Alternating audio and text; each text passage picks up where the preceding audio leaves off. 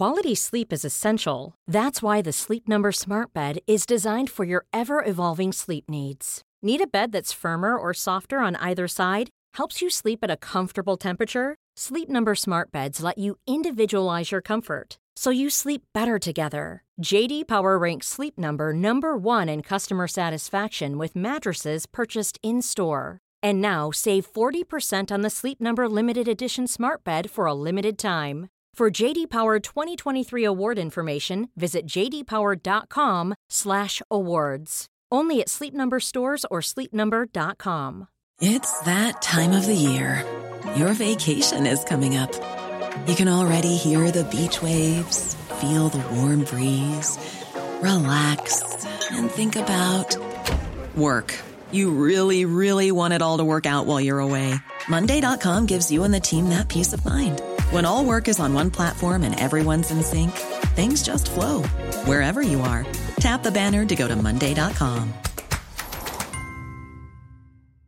There's never been a faster or easier way to start your weight loss journey than with PlushCare.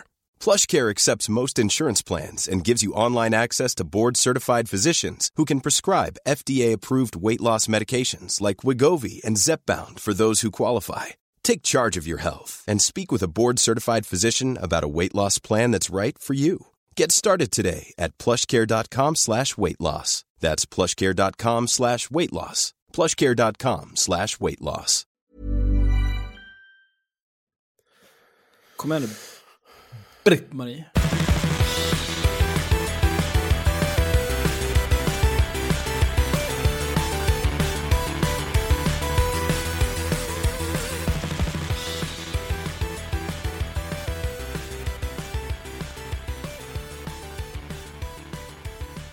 Eh, eh, jag är på ganska dåligt humör så jag skulle vilja börja med ett ämne direkt. Aha, okej. Absolut. Eh, problemet är att eh, vi måste prata om den här civilministern först innan jag kan prata om ämnet som har gjort mig förbannad. Aha, okej. Så vi börjar med civilministern, men inga problem. För att jag, har, jag har en hel del att säga om det också. Hon som har Okej. fogdeskulder. Mm, nej, hon som är Nasse. Ja, Hon okej. som är Nasse. Jaha, okej. Ja. Heilaren. Jag fattar. Ja, heilaren. Det är så här, eh, jag har inte brytt mig så mycket om det här för att jag tycker att det här är bajs. Men vänta, vänta. Paus på. Vad heter hon på riktigt? Hon heter... Ida Karka, Ja. Karkiainen. Alltså hon är ju inte ens svensk, hur ska hon kunna vara rasist liksom? Ursäkta, hallå? Ja, Va? okej. Eller? Va? Ska vi låtsas att det där är ett svenskt efternamn? Snälla. Det är väl finskt eller? Ja, det, ja. ja i och för sig, du tänker på. Stor-Sverige. Ja, men det, då, jag köper det. Det var nog Eh. inte vad Sanna tänkte på, mer att Sanna är finsk. Ja. Hon är svensk, ja. Precis som alla andra finnar. Ja, Mm. Och på, danskar. på tal om rasism så skulle jag göra en må, mån-emoji i min telefon. Eh, 10 av 10 att det är blackface. Det är ingen fucking måne som ler det där. Det är absolut blackface. Vänta, jag skickar den i chatten Men nu. är Säg, det inte whiteface då? nej, säg, säg till mig att den här månen inte är blackface. Det där är blackface. 10 av 10 blackface! Alltså, där, vi måste där kan, att Hallå? du, hur kan du skicka den här till mig, Sanna? Nu Så kommer, det stackars, nu kommer stackars Martin sitta här i chatten och bara vad fan är det hon skickar? Men visst är det blackface? Det Ja, där är blackface. Det där är inte okej. 100 procent. Nej, ja, då har vi löst det. Förlåt, eh, prata vidare om eh, Heil, Heilministern. Heil-tanten. Heiltanten. Nej, hon är inte tant, hon är typ 33. Ja. Ja. Men hon, eh, jag vet inte, hon, hon heter Ida och hon är civilminister och sosse. Och jag vet inte, i början av årtusendet så satt hon på en diskbänk i Haparanda, eller var hon nu kommer från, från en jävla håla.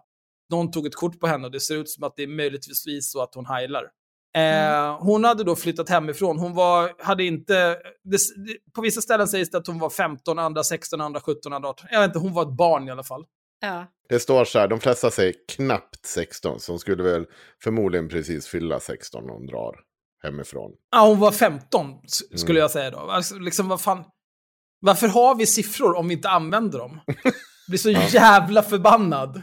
Knappt 16 skulle jag säga var hon fyllde 16 för en månad sedan typ. Ja, okej. Men, ja. Ja. Eh, men grejen var så här, jag var på väg till ett ställe i förmiddags. Mm. Eh, på vägen dit så träffade jag Johannes Klinell, Mhm. som är kulturredaktör för Arbetet. Och eftersom jag är en kändis och han är en kändis så började vi gi- givetvis prata med varandra, för det är så kändisar gör. Mm. Men då pratade vi lite grann om det här. Och inte bara tyckte vi eh, i princip samma saker. Jag sa så här, det borde, man borde tänka på ditten datten datten. Och då sa han, ja det borde man absolut tänkt på. Jag har skrivit text om det här. Och sen så var det så fram och tillbaka ett par gånger. Allting jag hade tänkt på hade han också tänkt på. Han hade dessutom skrivit en text om det här. Jaha. Så jag tänker vi gör det enkelt för oss. Vi läser bara Johannes Klenells text här i Arbetets kultur.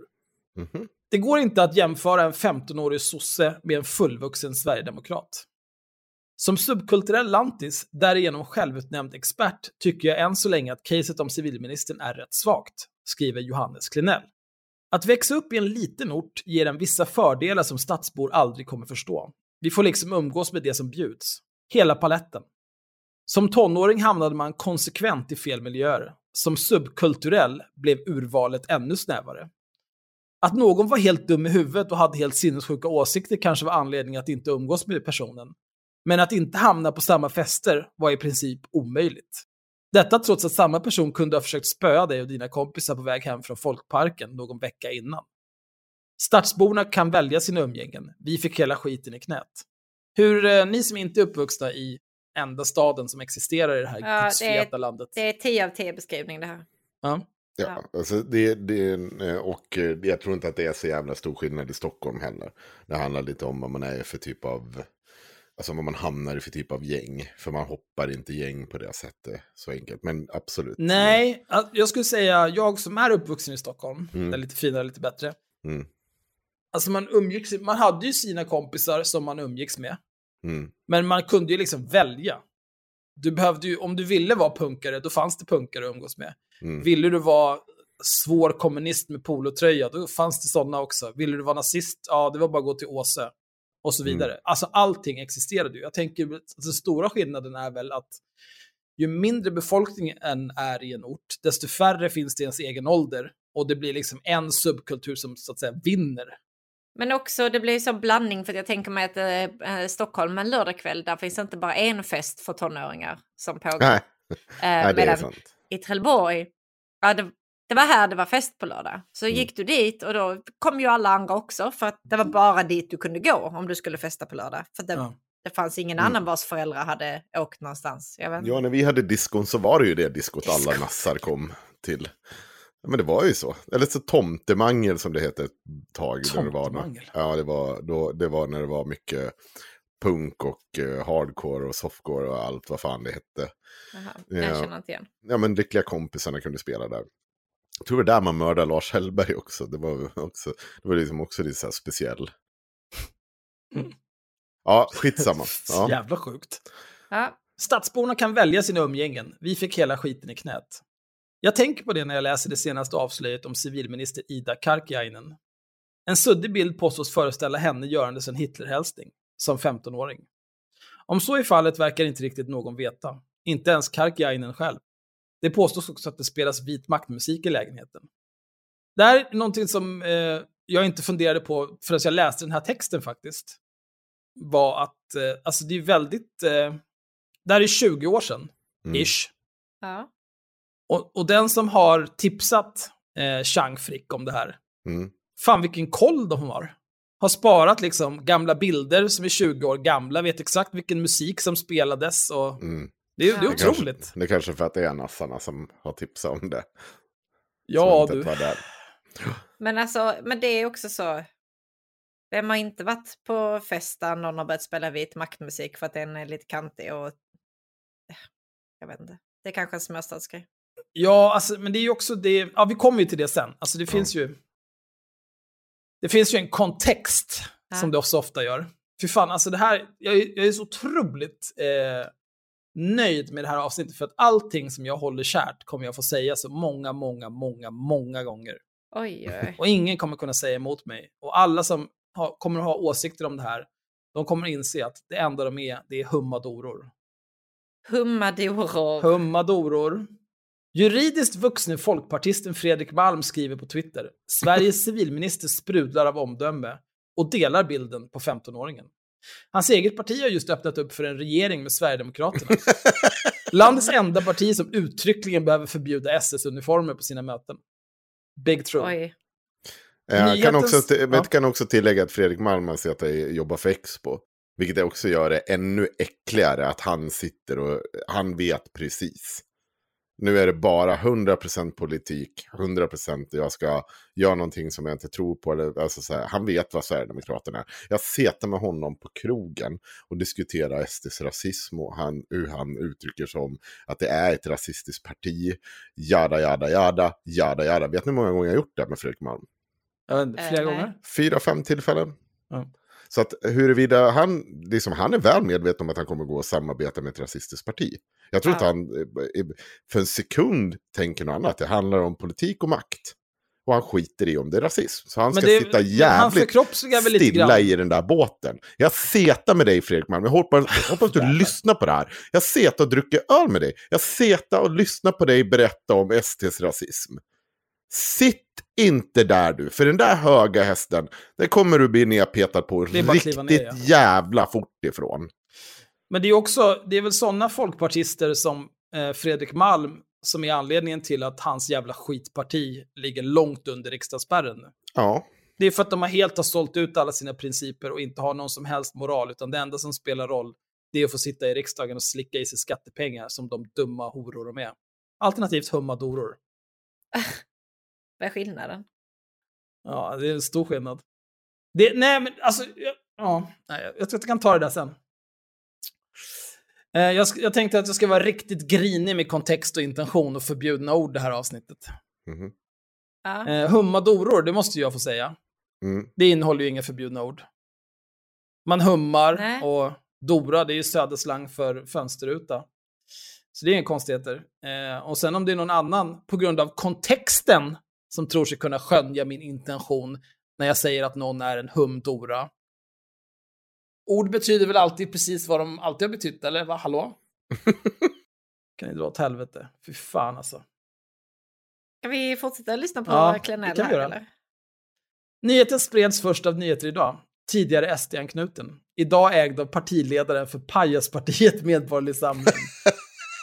Partiet känns för att värva vilken kändis som helst som uttalat sig rasistiskt eller kommit ut som antivaxer. Att de lyckades bli en källa för seriösa medier som SVT är en imponerande framgång för alternativsfären. Civilministern bodde då tydligen i Haparanda ihop med sin äldre kille, trummis i bandet Raubtier. Ett band inom musikgenren industri som väl får, med lite välvilja, klassificeras som ideologiskt svårdefinierat. När jag hörde dem första gången på 00-talet var min omedelbara fråga om de var rasister. Mest för att de lät rätt töntiga med svenska texter om blod, ära och seger. Vi rörde oss i det diffusa gränsland som kallas JVVF, parentes, jag vill vara farlig, slutparentes, med en fascination för saker som var onda. Totalitära ideologier, satanskulter, massmördare. Killar som googlade bilder på lik, hade orm och skäggfläta. Kronhjort. Av någon anledning mycket kronhjort. Det återspeglades i musiken. Laibach, Rammstein, DAF. Gränsen var diffus. Några visade sig också vara fascister på riktigt. De försvann med tiden ur umgänget. Man fick i tidig ålder lära sig att se skillnad på de som flörtade med totalitär estetik och de som faktiskt var bruna på riktigt. När det kommer till antifascism är det också anledningen till att jag alltid haft större förtroende för liberaler som är syntare än de som inte är det. De liberalerna vet oftast var gränsen går, till skillnad från sina icke-subkulturella motsvarigheter som tycks tro att rasism inte finns på riktigt. Och de vet att gränsen är dragen i sten. Det är inte de som kommer sälja ut landet till högerextrema krafter, om de inte alltid varit nazisyntare. När Elegant Machinery visade sig ha en sverigedemokrat i bandet, partisekreteraren Richard Jomshoff, var det slutet för deras karriär. Enligt min kompis var Raubtier inte rasister. Jag var oavsett inte superintresserad av ett band som låter som en korsning av tyska Rammstein och Eddie Meduza och har inte ägnat dem en tanke sedan dess. Förrän nu. Noterar, rätt många låtar om hembränt. Går hem i inlandet. Liten tätort, tidiga tonår, fylla, subkulturell sammanblandning. Jag kan ändå se det som sägs hända. Men också se en 15-åring gå vidare från det och inte bli nazist. Eller ens främlingsfientlig. Det är ett barn på bilden. Ett barn i en liten ort som förmodligen ska hantera att just fått hela skiten i knät. På internet blir känslan att precis allt händer exakt samtidigt. 20 år gamla bloggposter behandlas som om de skrevs igår. Även om det är lätt att på Johan Bergerskt vis prata om ett fotografi som frusit i tiden så måste vi tala om vem personen på bilden blev. inte bete oss som att en 16-17 år gammal bild händer nu.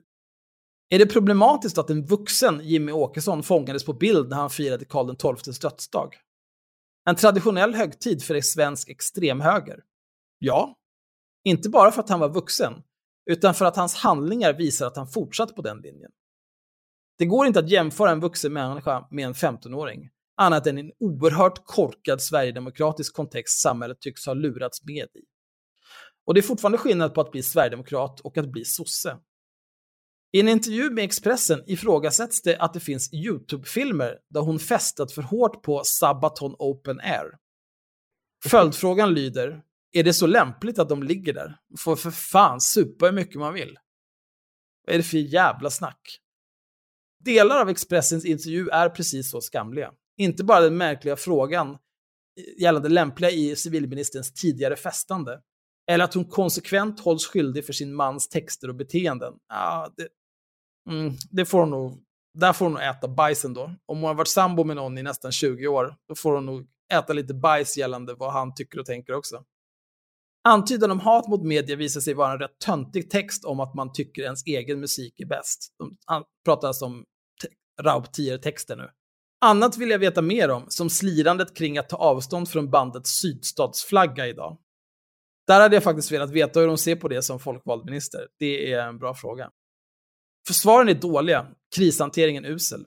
Visar det sig att hon är lika oansvarig kring den högerextrema symboliken idag, då är det givetvis en helt annan sak. Men den minnesanteckning jag tar med mig är den här. Det är bättre att någon inte blir nazist eller högerextrem än att någon blir det. Det måste också vara mycket roligare att sluta vara högerextrem än att fortsätta vara det. Att låta en korkad ungdomsförsyndelse definiera en hel människa cementerar bilden av att det inte finns någon återvändo. När vi låter en 15-årings handlingar bli jämförbara med en vuxen människas rasism så spelar vi extremhögerns spel. Ger vi oss in på den vägen, då kan vi lika gärna ge upp hoppet om att de inte kommer att vinna. Mm. Big throw. Det finns, jag tycker fortfarande det finns lite konstigheter i, alltså, eh, inte i så mycket henne. Det finns eh, så här, krisan, vi pratar om krisen till. Det är en person som blir överrumplad med en bild som är, ja, enligt henne då, över 15 år gamla. Vi pratar 18 år gammal bild. När hon sitter och heilar. Allt det här kommer i ett svep. Att det blir lite svamligt och rörigt i diskussionen och man, här, det är ingenting som är förvånande. Eh, även om hon skarvar lite på sanningen och hon kommer ihåg vissa grejer. Det är inte relevant. För det problemet här, att hon, att hon blir satt på pottkanten är inte problemet. Problemet är att vi låtsas som att det är samma sak. Att eh, om du går in i Sverigedemokraterna 94 när du egentligen alltid har sagt att det var 95. För att du vill undvika att diskutera att oj, jag gick med i Sverigedemokraterna innan de införde uniformsförbud på deras marscher. Och du vill prata om uniformsförbudet var ju 96, det var det gamla principprogrammet som han inte ville kännas vid. Ja, men alltså ja, nej 95 men, men, var men, all, men No, Okej, okay, skitsamma. Han, gick med, han Ja. har sagt att han gick med 95. Ja. Uniformsförbudet var 96. Han gick med 94. Men det är Ja. det gamla principprogrammet och partiprogrammet Skit- han inte känns vid för att det var superrasistiskt. Ja, skitsamma. Han var, också typ, han var ju också ett barn då, lika gammalt. Eh, och han, eh, vad heter det, eh, alltså det är Jimmie Åkesson vi pratar om. Och han har varit med och drivit rasistisk politik ända sedan dess. Han har inte förändrats någonting. Det är skitlöjligt när, det, är så här, när du tar en gammal sverigedemokrat som visar sig vara nasse för 15 år sedan. De sitter och säger mer eller mindre samma saker. De sitter inte och förnekar förintelsen idag. Men konsekvenserna och, eh, eller konsekvenserna, vad ska jag säga, är deras handlingsplan för att ta hand om de elementen som de tidigare pratat om som judar eller så vidare. Det har ju bara förflyttat fokus till en annan grupp och det är lite andra lösningar men konsekvenserna är de samma. Mm. Det är nya konspirationsteorier, nya, all- alltså det är skitlöjligt att hålla på. Ja okej, du är inte nationalsocialist men du är fortfarande rasist. Mm. Det är bara en ideologisk fråga vilken del av rasismen du tyr dig till. Och vilka jävla konspirationsteorier du tyder. till. Jag ska, för jag har ju också ha- en hel del jävla dokument. Nu blir jag så här arg. Två saker. Sverigedemokrater här. Först har vi Martin Kinnunen. Som så jävla glad han var. Skrev han så här. Undrar varför Anders Lindberg, Martin Kinnunen är då tidigare pressekreterare för Sverigedemokraterna ska tilläggas. Och riksdagsledamot idag. Undrar varför Anders Lindberg har lättare att köpa spexförklaringen denna gång. Och som du vet, så här, tänk eh, smiley. Ur en av alla SD-hatiska krönikor genom åren. Kvinnan där var i tonåren och var kring 15 när bilden togs. Så då har han skrivit så här. Och det här är citat av Anders Lindberg. Och delar av nazismens idéer och symboler är i allra högsta grad levande i SD. Som under förra valrörelsen när en bild publicerades av SD topp, eh, SDs toppnamn i Halmstad, Katrin Strandqvist, med hakorsbindel efter en fest. Eh, och då svarar han så här. Det är ganska vanligt att ungdomar spex, spexar och gör provokativa saker på fyllan. Urskuldade SD-styrelseledamot eh, Erik Hellsborn i SVT Hallandsnyss. Hallandsnytt, förlåt. Eh, vet ni vad jag påtalade då för honom? Då sa jag så här. Hej Martin Kinnunen. Bilden togs i februari 2012. Stranki ska då ha varit runt 18 år då ni angav att hon var 20 på era valsedlar 2014 när detta avslöjades. Hon var också vid tidpunkten för bilden aktiv i SDU Hallands styrelse. Det känns relevant. Ja, det känns ganska relevant. Det var två år innan. Hon var, om, okay, om hon inte hade hunnit fyllt 18, så precis som i, ja, det var kanske månader kvar. Mm. Och hon var aktiv inom Sverigedemokraterna och sprang runt och städade med en hakkorsarmbindel. Det är lite konstigt. Ja. Det var lite konstigt. Det är lite mycket på en gång. Liksom. Det är nästan ja. som att man har gått in i ett rasistiskt parti med rasistiska och nazistiska värderingar. Jag såg så... den där jävla undersökningen på hur många som ans hälften av Sveriges befolkning ansåg att SD var ett rasistiskt parti. Vet ni hur många inom Sverigedemokraterna som ansåg att SD var ett rasistiskt parti? Ja, det är 5 procent. Nej, 6 procent. Det var verkligen den här sketchen. Ska tant rösta på nazisterna? När det finns de här liberalerna. Ja, nazisterna. Ja, nazisterna. Ja, det blev så ändå. Men också Nima eh, Ghulam Ali Pakur, han är väl po ja, han är politisk sekreterare i Malmö för Sverigedemokraterna. Då skrev han så här, ni vet, om Ida Karkiainen hade heilat i uniform och paraderat så skulle vänstern och media försvarat henne ändå. Det spelar ingen roll, hon är socialdemokrat. Och socialdemokrater har inga principer förutom att de försvarar sina egna till varje pris. Då sa jag så här, så det du säger är att om Karkiainen hade varit sverigedemokrat så hade sossarna försvarat henne ändå. För det är precis det här som har hänt inom Sverigedemokraterna. Men det är också så här, det, är just, det, han är ju verkligen en ja. humdora. För det är ju liksom mm. så här, tänk om det var på det här viset. Då hade det också varit så här. Ja, men vem fan bryr sig? Det är inte på det här viset. det spelar ingen roll. Du, dina fria fantasier är helt irrelevanta. Men hade du någonting mer du ville tillägga om det här? Nej, jag har en segway till nästa ämne kring det här. Nej, ja, men då har jag kvar. För då har jag Nej, jag har kvar. en sak i och för sig. Ja. Eh, eh, Johannes Klinell har ju också... Uh, eftersom han är en musiktönt och en kulturtönt så har han tittat på, eh, på Spotify på Raubtier, vad deras fans också lyssnar på. Ja. Eh, och då har han postat på Twitter och skriver så här, herregud, Raubtiers fans är verkligen mest generiska grannkamp på Arvika-festivalen. De lyssnar på eh, Lilla Syster och Jallo Heavy. De lyssnar på Lok. Lok i och för sig. Det är väl hans eh, sångarens gilla Det var ju Lok först och sen så blev det Lilla ja. Syster, tro, tror jag. Jag ja. vet inte. Eh, Mimikry, det vet jag inte vad det är för någonting. Ja, men det är, Va? Eh, herregud. Det är trallpunk. Vet inte vad Mimikry är? Ja, nej, jag... Lealle Hebby. Jag sa just att jag inte vet vad det är. Jag vet inte ja, okay. vad... Mm. Ja, förlåt, de är från Dalarna. Eh, okay. Lyssna på Det kristet utseende. Ja, såklart. Dia Salma. Ja. Mm. Eh, något band som heter Skitarg. Ja. Oj, ni kan allt. Vill ni gissa vad det sista är? Ultima Thule? Nej. Aha, okay. Ah, gud, jag nej jag vet inte. Eh, om jag säger fitta och rökheroin? Nej. Alltså, eh, Kristet han... utseende? Sa vi inte det redan? Vad säger du? Kristet utseende? Nej. Nej, det sa vi redan. Det har vi redan sagt. Ja. Nej, är det Medusa? Nej, det är Björn Rosenström. Ja, okay. mm. Fitta och eh. rökheroin? Ja, Prästens bekännelse.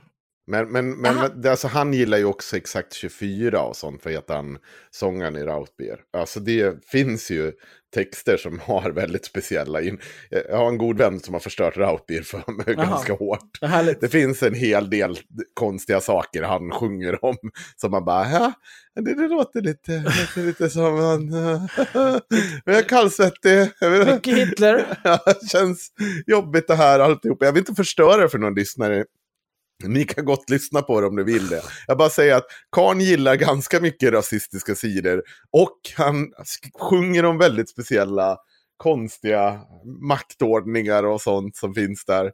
Och bankernas eh, bla bla bla. Man bara, det, är som, det, är som, alltså det är verkligen när man går in på hans gilla och texter, då är det mycket så här bara, oj, här är någon som har sett och runkat till vaken.se väldigt mycket. Och, och just det, vaken.se är en av de sidorna han har gillat också. Ja, vad bra. ja.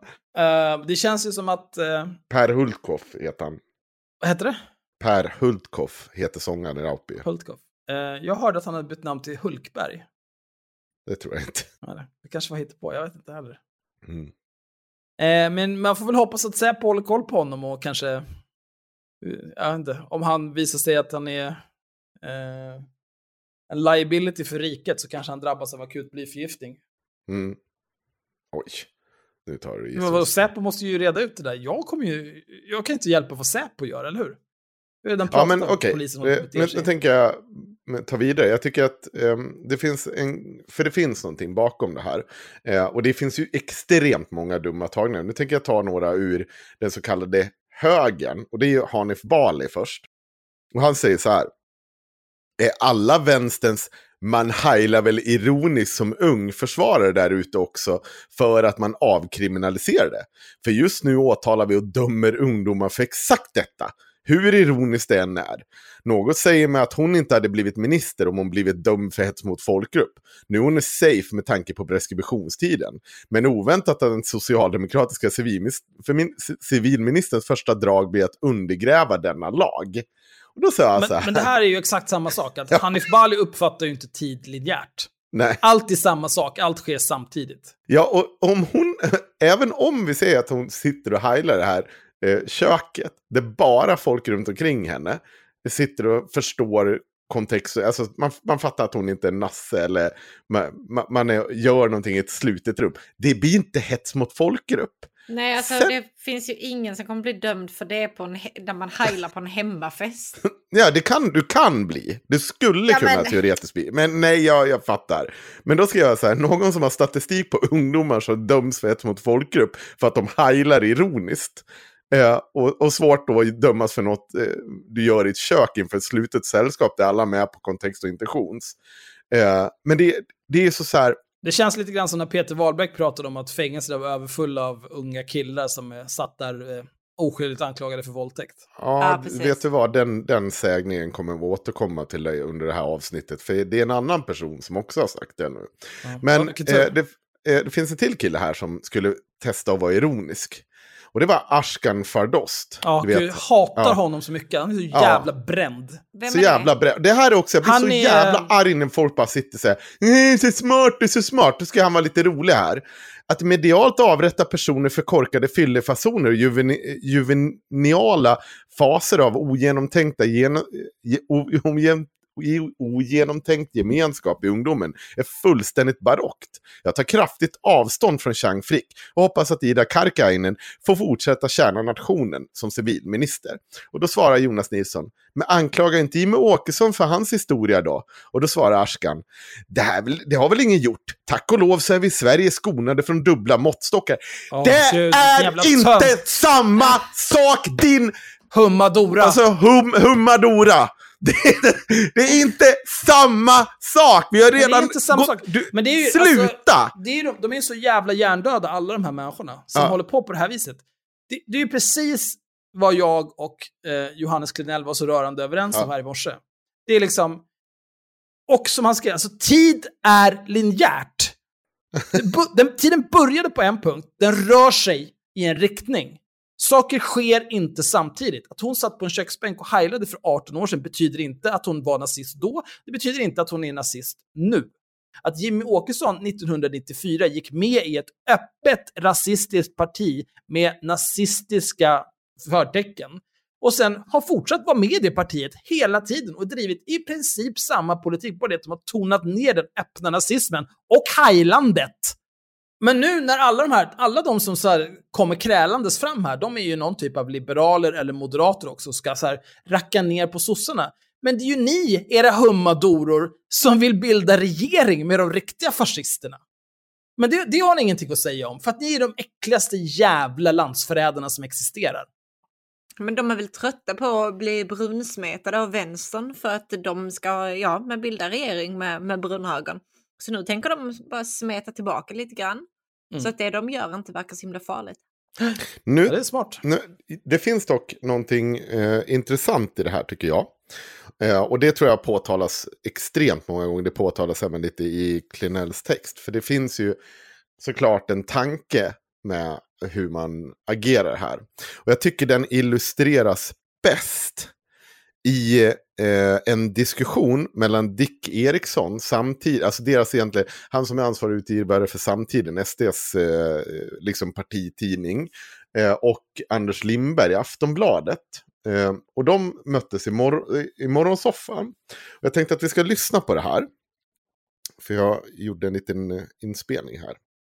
Eh, och jag tycker att slutsatsen här är egentligen sammanfattar allt gagg från Sverigedemokrater och liksom folk på högerkanten som vill försöka blåsa upp det här eh, på ett annat sätt än vad det faktiskt är. Och jag, jag vill tillägga en sak. Så här. Jag, kan, jag kan lägga till den här brasklappen än en gång. Man behöver inte tycka om att hon är så här, det här är inte konsekvent, det här ser inte bra ut hur hon har krishanterat det. Frågan är, tror ni på riktigt att hon är någon typ av long term nasse som har efter nu 18 år infiltrerat sossarna och hamnat på ministerpost? Nej, det tror ni inte. Ingen av er tror det här. Tror någon att hon är nasse idag eller har de här värderingarna, har någonting med det här att göra? Sen, om vi säger då sen 18 år tillbaka, nej, det tror vi inte. Så vad, vad håller vi på med för någonting? Ska du inte kunna byta politisk ideologi eller ståndpunkt? Ska du inte kunna gå från ett ställe till ett annat och ha vänt på ditt liv? Nu tror jag inte att det är det hon har behövt gjort. Men det är klart att du måste kunna göra det. Så, nu ska vi gå till vad de säger tycker du att det här är? Nej, om man går på Socialdemokraternas, eh, hur Socialdemokraterna brukar reagera när det sker i andra partier så har de ju väldigt höga brösttoner och då är det avgångskrav omedelbart. Inget snack, ingen tvekan, inga om och men som vi hör från Anders Lindberg nu när det gäller en socialdemokrat. Eh, så att, eh, jag tycker att eh, vi borde komma till en säga, eh, punkt i samhällsdebatten där vi behandlar sånt här lika. Det, det, det är framförallt det jag skulle vilja. Eh, och, och, därför kan jag vara lite generös. Va, vad är det här för ja. apa? Ja, det är Dick Eriksson från... Han är så eh, jävla dum i huvudet ja. han med. Ja men vänta, så här, det är det han vill. Han vill att allting ska behandlas lika. Men allting Hur olikt är inte, är inte samma lika? sak. Nej. Och det är det, det är det här, allting det här går ut på. Det går ut på det, det, är, det gör Chang Frick också. Det är klart att han vill ha det till sin tidning och dra lite cash och, och sånt. Men han är också lika mycket ute efter att allting ska behandlas lika och rasism behöver inte vara rasism. Ja, men eh, alltså det här är ju det här är koncept som liksom ett barn förstår. Om du frågar en femåring så här, vill du äta hamburgare? Barnet kommer nog vilja äta hamburgare. Så säger så här, ska vi gå till McDonalds? Så kommer barnet säga så här, Nej, men jag tycker Burger King är godare. Vi går till Burger King. Ja, men vad spelar det för roll? Det är hamburgare alltihop. Nej, Burger King är godare. För det är en annan sak. Alltså... Nej, all hamburgare är exakt Nej, all, ja, precis. De smakar exakt likadana, precis ja. samma ingredienser, tillagade på exakt skillnad. samma vis, kostar lika mycket. Det finns inga som helst skillnader i någonting. Precis som att en person som satt på en diskbänk för 18 år sedan, det är precis samma sak som någon som har varit fascist i 25 år.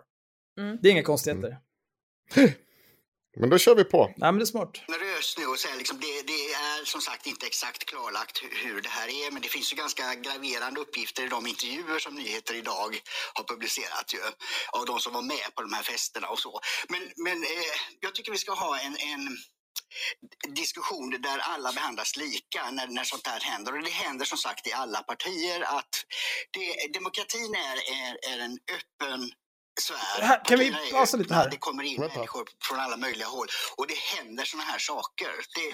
det, det... Mm. Alltså det där, så här, det här händer i alla partier. Ja, okej. Men är händer sant. det med samma frekvens i alla Nej. partier? Än en gång, är saker samma? Och, och är allting samma sak? Ja.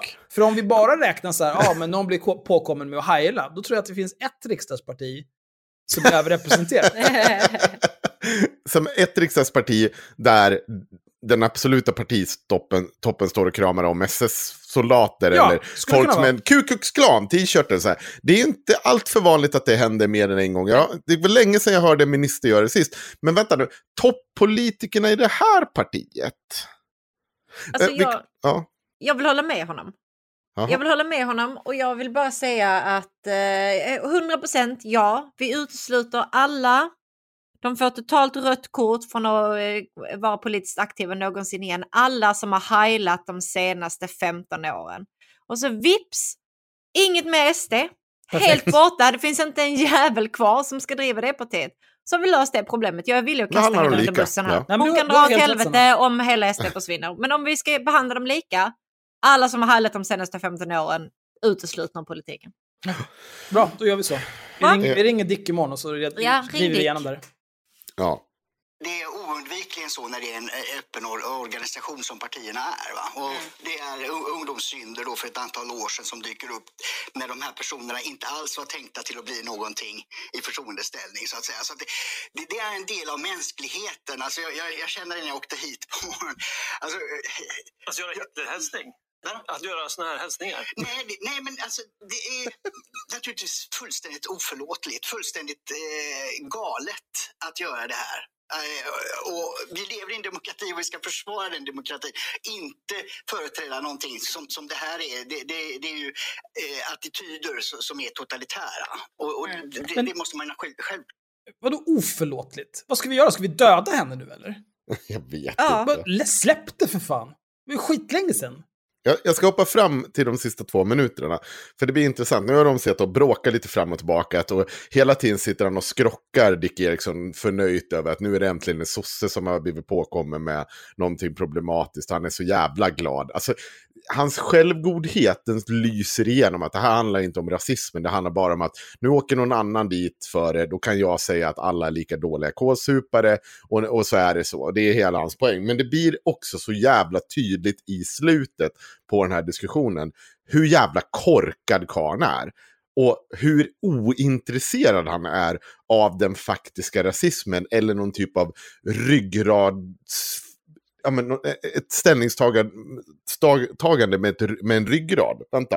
Som jag också har skildrat. Nu är det Anders Lindberg. Hennes bakgrund då. Eh, där hennes pojkvän var musiker i något band eh, i Haparanda under den här tiden. Och, och, Ta ansvar för dina företrädare. Du, Anders Lindberg, nu Eriksson igen. Anders Lindberg, är- det, är- det, är det så att när, när det händer hos Sverigedemokraterna då, är det, då, är det, då gör de såna här eventuella hälsningar på allvar, men i det här fallet är det inte så? Ska vi förstå dig rätt på det viset? Det vet jag inte. Jag har ingen aning om vad som händer och jag tror att den viktiga frågan nu det är ju om eh, vad som är sant i den här historien. Alltså, är den bilden som Nyheter Idag målar upp sann? Eh, då kommer naturligtvis det att bli politiska problem för Ida Karkiainen. Eh, medan däremot om, om den bilden hon själv säger och som kanske mera framkommer i Expressens intervju med henne är korrekt, ja då, då kommer det här förmodligen att bli ungefär det att de flesta människor eh, kommer att tänka ungefär som, som Dick Eriksson sa förut att, att hon var 15 år. Det är väldigt länge sedan och eh, det, det tror jag inte får så stora effekter. Så det, det beror helt och hållet på vad som är korrekt. Liksom. Nu kommer Dick Erikssons svar på det här. Mm, Dick Eriksson, vad säger du? Bör hon sitta kvar? Vad tror du kommer hända härnäst? Nej, men så som Anders Lindberg agerar här nu, att de går all in och ska eh, gö- göra, ha dubbelmoral. Ja, det han säger här är att man ska ta reda på sanningen. Ja, jo, ja, självklart, det, det ska man också göra. Men många gånger är, det svårt i, i sådana här fall eftersom det är länge sedan och så vidare. Men eh, sossarna tvekar aldrig på att kräva avgång av, när det gäller andra partiers skandaler. Så att, eh, då måste jag väl kräva avgång nu då. För att Fast jag, egentligen jag vill ha samma moral. Där, där vi började så Ja, ville du inte kräva Nej, för jag vill att vi ska ha samma moral. Va? Och, då, och då tycker jag man kan vara förlåtande över alla. Men nu är Anders Lindberg inte ett dugg förlåtande när det gäller andra. Och då måste jag ligga också på den nivån. Och Vilken jävla idiot. Ja, Alltså, så att det, det handlar alltså inte vad du själv tycker och tänker, Nej. utan det handlar om vad dina politiska motståndare Det är inte så det fungerar, din dumma humma grej. Ja, men, och jag sa inte någonting. Men, det, det är så jävla... Det, är så, det, det lyser igenom att det här handlar inte om det. Det handlar bara om att få göra det till samma sak. Det är exakt ja. samma. Finns inga nyanser samma, finns ingenting som förändrar. Eh, hon är en nazist. Ha, jag, jag, kan bara berätta så här. Jag vet inte så här. Ah, då, om, om det är nivån för vad, om du liksom ska inte kunna ta politiska uppdrag eller något sånt där. Att det bara handlar om att du vid något tillfälle sagt någonting som är rasistiskt, sexistiskt. Eller så här. Jag tror inte bara Ida Karkinen, jag tror att i princip hela det politiska, eh, det skulle inte funka. Det skulle, det skulle rasa samman. Men än en gång, det handlar inte om rasism. Dick Eriksson och alla de här jävla tjommarna, de skiter i det. Man vill bara ursäkta Sverigedemokraternas rasism och säga att ja men titta, ni kan ju ni också. Jag, jag kommer ihåg det, kommer ni ihåg, det här har vi pratat om fler gånger i den här, när eh, Jimmy Åkesson rullade ut den här jävla listan på eh, eh, antals sossar som hade varit rasistiska. Och då fick jag idén att jag ska göra en likadan lista på Sverigedemokrater. Mm. Och gjorde den här jävla listan åt Filip och Fredrik. Det hamnar ju, hamnar ju deras jävla kvällsprogram till slut, den där listan. De fick ta en skylift. För att under samma period som han hade angivit på den här listan med samma avstånd, samma storlek på text, samma antal politiker på varje A4 när, när vi, de fick rulla ut den listan, då fick de rill, rulla ut den från en skylift. Ja. Och då rullade den över golvet. Jimmy Åkessons var två meter. Mm. Det är skillnaden. Det är inte samma. mycket, mycket större parti än vad SD var då. Under all den här. Och det har inte kommit fram den här typen av rasism. Och är det någonting media skulle älska i, det är att vältra sig i rasistiska sossepolitiker. Det är inget snack om saken. Ja, det är klart. Det är klart, de hade älskat det. Men det är inte samma. Sorry. Nej, men allting är ju samma sak. Nu har ju en sosse varit rasist också, så då är allting exakt samma sak. Nu måste vi ja. behandla alla lika här. Alla partier är rasistiska partier, helt enkelt. Mm. Men eh, en annan som hade åsikter om det där är ovän till podden, Per Lindgren. Mm -hmm. eh, per Lindgren gör ju god ton tillsammans med Hanif Bali. Ja. Eh, han är också kommunikationschef eller kommunikations någonting på eh, föreningen Skattebetalarna. Ja. Han skrev så här. Han la upp en bild på henne här och så står det våldsbenägna extremistiska krafter är naturligtvis något som Ida Karkiainen helst skulle slippa se i demonstrationsdag. De som har överlevt förintelsen nu får se nazisterna komma tillbaka på gatorna, de ser ju att demokratin är i fara igen. Det känns angeläget att få bukt med det här. Och det kommenterar han med det här med “It's okay when we do it”. Var går gränsen för det? Föreställ er att detta hade gällt en företrädare från något annat parti. Hur hade tongångarna varit då? Och då svarade jag honom, detta sker på Twitter då. Mm. Ja. Vad hade Skattebetalarnas förening haft att säga om Nya Karolinska om det inte var Svenonius som förskingrat pengarna? Och hur var det med Bengtsbo? Det fanns ingen annan ekonom som var kvalificerad och saknade hans bagage eller? Stäng käften. För att jag alltså, tycker så jävla illa om den här, det här lilla äcklet Och då svarar han, på tal om frågor bortom ämnet för diskussion, vad drar ni in på Patreon? Oh, nej, Fattar ni att han säger det här till mig? Till mig? Och ja. tror att det här inte kommer att bli någonting som kommer knulla honom. Att han tror att han kan säga så här ostraffat till mig. Alltså han är så jävla sjuk i huvudet. Du ska få lära dig idag Per! Din jävla råtta! AIK okay. är han också. Alltså jag kan inte ens säga hans namn för att jag blir så jävla upprörd. Han är så vidrig. Då svarar jag honom, för att jag försöker vara vuxen. Du grinar om vad du anser är hyckleri. Hur är inte din arbetsgivares tystnad kring Nya Karolinska hyckleri? Hur är det inte hyckleri att ni anställer en person som blivit av med alla sina politiska uppdrag för att han försnillat skattepengar? Inget svar. Nej. Nej. Chocken. Ja, jag är i total chock. Och sen så, är det, så händer det inte så mycket. Och sen är det eh, två andra hummadoror här. En som postar eh, vår Patreon från eh, Graftrion. Ja, vi har tappat. Eh, en till humdora som skriver “Snacka om L”. Och jag svarar honom för att jag eh, bryr mig för mycket om vad randos på internet tycker. Då svarar jag, ja, riktigt tungt att vi bara drar 100 lax i månaden på vår hobby. Och då svarar den här lilla jävla horungen Per. Oj, visste inte att det var så illa. Bit ihop. Men då ska vi ta en liten titt här på hur, hur det står till med God Tons patrons. Ta en liten titt på hur det står till där. I dagsläget så har de 6764 patrons. Ja. Mm. Det är fine, jag har inga som helst problem med det. Jag är inte arg. Du, ja, okej. Nej, men jag är inte arg. Eh, man kan gå tillbaka lite om man tittar eh, den 6 oktober. Mm. Då hade de 1192 patrons. Jag har ju gjort eh, några poster på Twitter där jag hånat dem för att de har så få patrons. Anledningen till att jag har gjort det, det är ju dels för att Hanif Bali är ju lite av ett eh, something like a phenomenon i, eh, i sociala medier. Han har 170 000 följare på Twitter. Rottan Per har 12 000. Mm. Man kan ju tycka liksom de här två moderata genierna, kommunikationsmästarna, de startar en podd tillsammans, de borde ju dra in mycket deg. Nej, de ligger där och harvar. Visserligen hade de en uppåtgående trend, men ja, 1200, det var ungefär vad de mäktade med. Det är inte så bra. Vi har maxat på 3 500. Tre fulla idioter som sitter och kallar folk för hummadoror. Men absolut, ni är duktiga. Eh, men det hände en grej. Den sjunde i tionde, sjätte i tionde hade de 1192 patrons, sjunde i tionde 1459 patrons.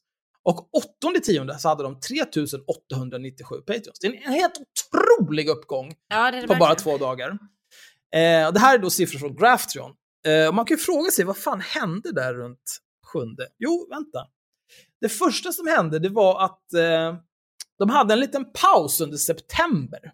Där de inte släppte några avsnitt. Och jag, för, jag försöker dra mig till minnes, vad var det som hände under september? Jo, just det. Hanif Bali anklagades för att knulla barn. Ja, Det var vad som hände. det. Han, eh, det tillsattes en utredning inom partiet, han blev polisanmäld. Han sa inte så mycket själv för en gångs skull. Tuffaste lilla skogstomten på jorden var plötsligt helt jävla tyst. Det är märkligt. Men sen så, allt det där ebbade ut och blev till ingenting. Den interna utredningen inom Moderaterna lades ner, ingen brydde sig. Polisanmälan ledde ingenstans, ingen brydde sig.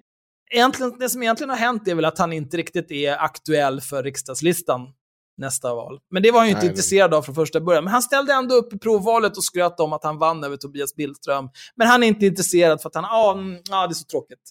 Du är bra du Hanif, du, du absolut.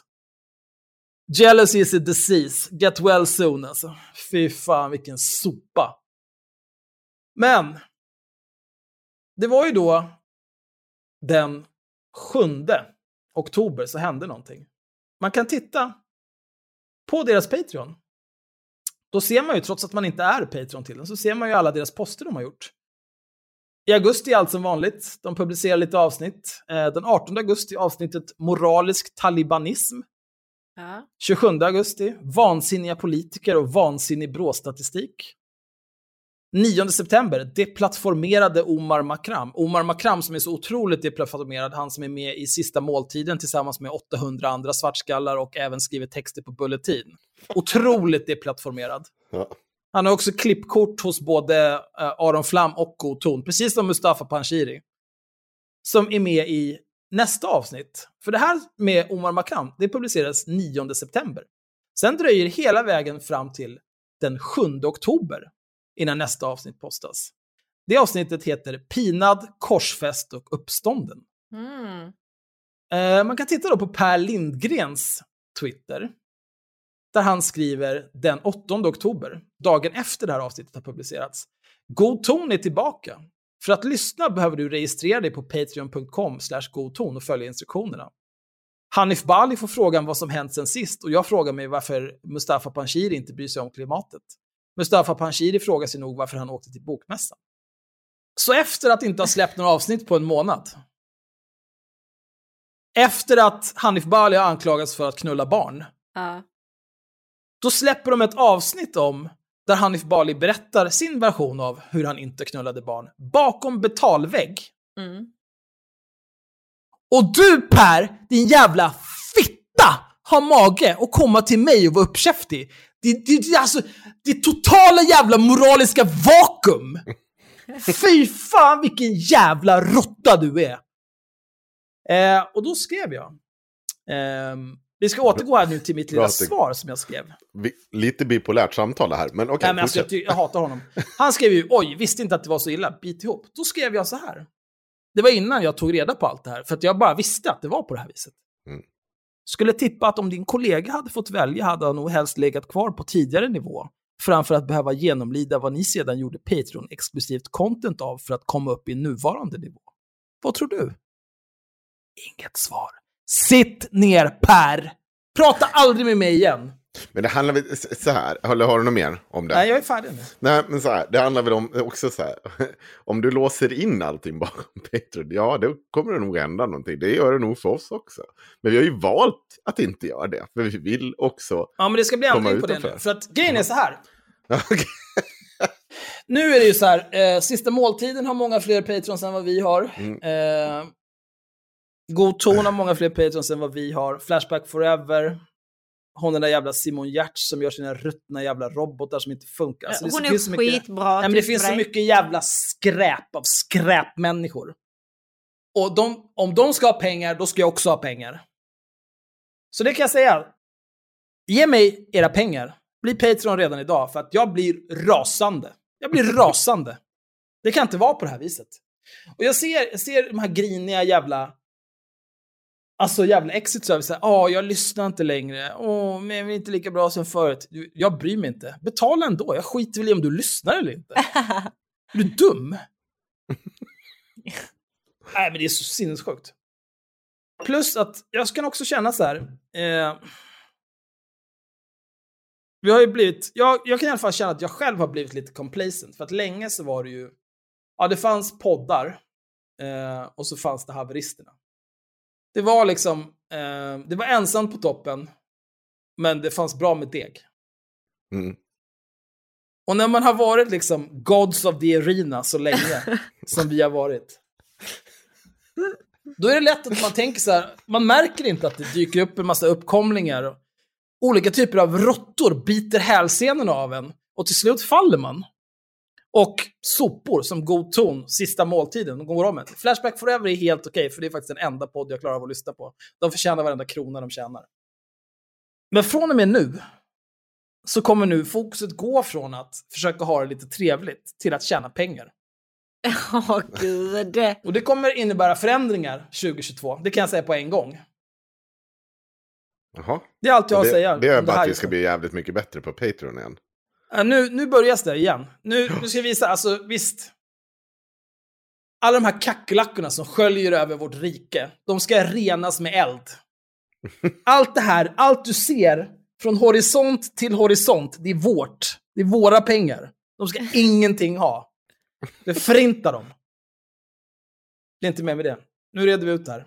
Ja, bra. För vi har också planerat nu nya datum för hela december. Och ladda på med att vi ska kunna göra lite extra content eh, i julklapp. Eh, hur det kommer se ut, det får vi se. Om det blir en livekörning eh, på YouTube eller... Ja, det, blir, det kommer bli mycket smaskens. Och det kommer bli mer Eddie Råbock och... Eh, rå, vad heter han? Vad kallar du han? Ernst Råbot. Ernst Robot. Robot, ja. ja. få Och det kommer bli... Ja, det kommer bli... Han var ju kränkt för Ja, övrigt. det, ja, just det. Vi måste, just det, det är också framför allt. eh, Den här lilla, eller det lilla nättrollet Glam. Ska Mm. vi ta tag i. Oj, vad vi ska ta tag i det.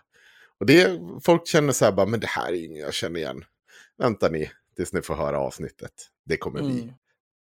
toppen. Det här är ju också en sån här grej. Toppen. Ehm, ja, när jag pratar om förändringar, alltså jag bryr mig inte. Jag, jag har ju länge kört det här med så här att, ja nej men självklart, det, det är inga konstigheter. Det är klart att du kan få liksom betala 10 kronor i, i, i månaden, absolut. Sätt en limit där. 10 kronor, absolut. Ja, jag förstår, det är otroligt mycket pengar. Vi släpper tre avsnitt som vi tar betalt för 30 kronor i månaden. Ja, fruktansvärda summor. En kaffe på 7-Eleven. Ja, nej, det är klart att ni ska betala. Men jag bryr mig inte. För att det är viktigare för mig att jag tjänar pengar än att upprätthålla några former av socialistiska ideal som att från var och en efter förmåga till var och en efter behov. Jag skiter i er. Jag skiter fullständigt i er. Om jag behöver sätta, om vi behöver kapa varenda jävla avsnitt på mitten från och med nu och lägga hälften av allt content bakom Patreon och börja ta betalt per månad istället för per avsnitt så att ni kan sätta era jävla snålspärrar på 10 kronor i månaden. Då gör jag det. Jag kunde inte bry mig mindre. Jag gör det. Så be Patreon. det är bara att betala frivilligt, eller så tar jag era pengar. Vad ska ni göra? Sanna, jag antar att du vill prata friskolor en snabbis snart. Vi Men jag har en Mm. snabbt instick här från, har ni sett det här Johanna, Johanna Blad har skrivit? Jag tyckte det var magiskt. Nej, jag har inte... Eh, då skriver hon så här, det här är saker folk har sagt till mig genom åren. Och så citerat. Åh. Förut frågade folk öppet i matbutiken om jag verkligen åt, om jag var sjuk, om jag stack fingrarna i halsen efter att jag ätit. Öppet i matbutiken. Mm. Jag skulle kunna gå med på att en Nej, person... för att den hummadoran har ju blockat mig på Instagram. Ja, Men lägg av! Men hade inte du ett trollerikonto? Jo, det har jag ju, så nu måste jag ju söka upp henne här, eller hur? Alltså, Jag skulle gå med på att det där kan ju ha hänt en gång. self-love for all girls. Uber. Nej, nej. Ja, men det där har vadå? inte hänt. Det där har inte hänt. Så blockar de mig din jävla... Ja, Ah, men det har okej. fortfarande inte hänt. Nu får ni ge er. Det där Nej, har inte en hänt. gång Ingen har stått, ingen har stått på mataffären en och frågat om, brukar du stoppa fingrarna i halsen efter du har ätit? Det är ingen som har stått på Ica och sagt det här till Johanna Blad. Är du sjuk i huvudet? Vadå, menar du att hon ljuger? Menar du att Johanna Blad ger sig ut på internet och Skarvar lite. ljuger i syfte Ja. att tjäna pengar på, de, på sina betalda samarbeten och sen ruttna podd? Ja, Menar du att hon ljuger? Ja. Nej, dra på Tristan. nej, Det- måla nej. mig grön. ja. Måla mig grön och bli Patreon, en jävla horunge. Oj. Ja, nej, men ska vi, dagens stora snackis, ska vi hoppa in på den snabbis? Ja, vilken idé? Ja, det är ju den om Barbara men Bergström Barbara- och hennes man. Ah, Hon är så bedrövlig. Ja, det- var, jag tyckte det var, det var Sofia Dalén som gjorde det så jä, sa det så jävla bra. Vänta. Eh, jag ska ta fram henne. Bibo, bibo, bibo, bibo, bibo, bibo, bibo, bibo.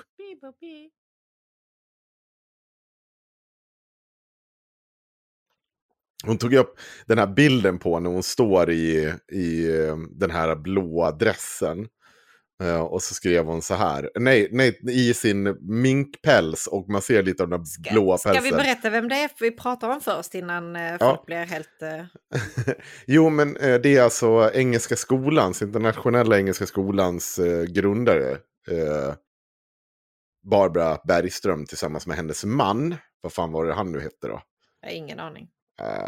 Det ska vi nog kunna ta reda på. Rövhål kanske? Rövhål med rövhål. Skit i samma, jag vet inte vad fan han heter. Får vi ta reda på. Fan vad störd jag blir. Ja, ja, skit i samma. I alla fall, Sofia, Sofia Dalén skrev så här. Förlåt, men skurkar du en julkalender? Och det har hon så jävla rätt i. Ja, de ser väldigt julkalendriga ut. Ja. Det är verkligen med jävla skämt, en parodi på vad en miljardär är. Men i alla fall, de har ju, DN har ju varit ute och haft lite reportage med, tillsammans med de här dårarna. Eh, Hans heter han. det här är också så här, och det finns sådana magiska citat i den här artikeln. Och jag fattar inte hur de kan ha gått runt och sagt det här inför media. Jag kollade precis på Solsidan. Och då finns det, i ett av de nya avsnitten så handlar det om att Mickan startar ett, eh, Mickan som är den rika eh, kvinnan som är gift med, vad heter han, gamla Killing, Fredde. Fredde. Eh, hon startat ett inredningskonto på, eh, på eh, Instagram som heter eh, White... eh, eh, White Decoration Matters eller något sånt där. Och så skriver hon, skriver hon hur vitt är viktigt. och så kommer SvD hem och ska göra ett repa hemma hos-reportage. Och så frågar de om hans frus rasistiska konto. Som är, det. Jag, jag fnissade lite åt det, även om den serien har gått lite ut för. Men det känns verkligen på riktigt som en jävla, alltså så här. Hur kan ni inte märka att det här liksom är på väg att kuka ut? Tror ni att det här är normalt i allmänhetens ögon?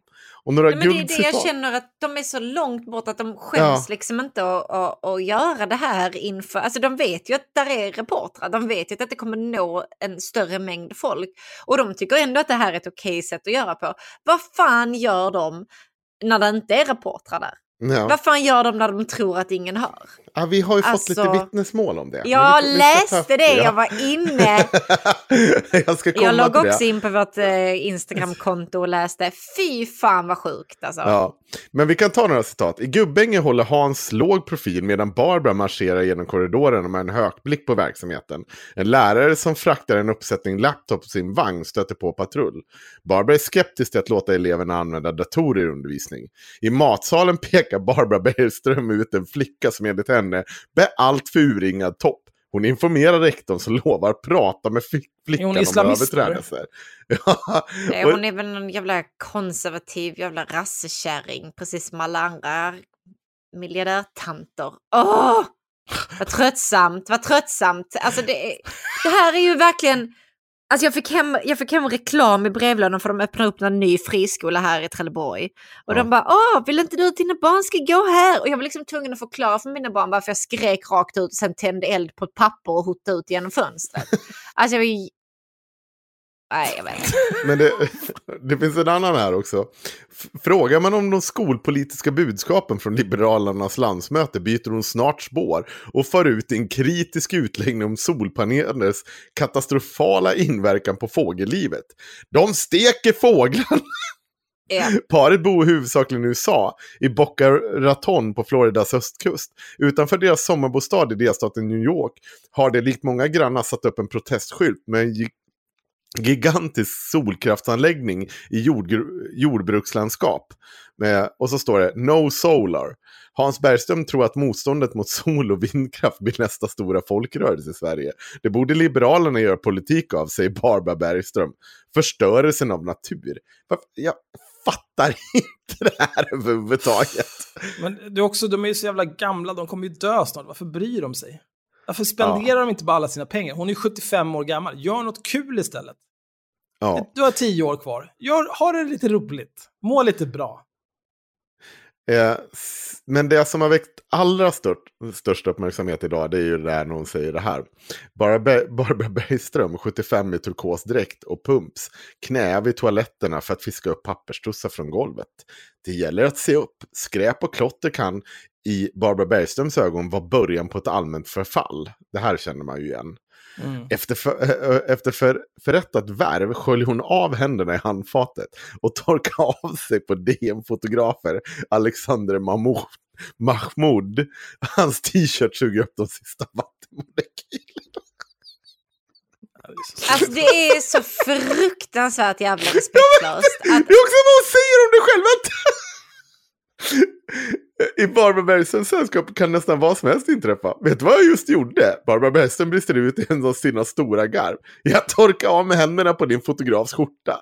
Jag gillar inte de där skräniga sakerna och syftar på handtork. hon syftar inte alls på handtorken. Vad får syfta på då? Var det där ett svenskklingande efternamn till dig? Nej. Rassekärringen han är för skränig. Han ska fan veta sin plats när, hon, när han är i hennes skola alltså. Kommer det utlänningar hit? Nej.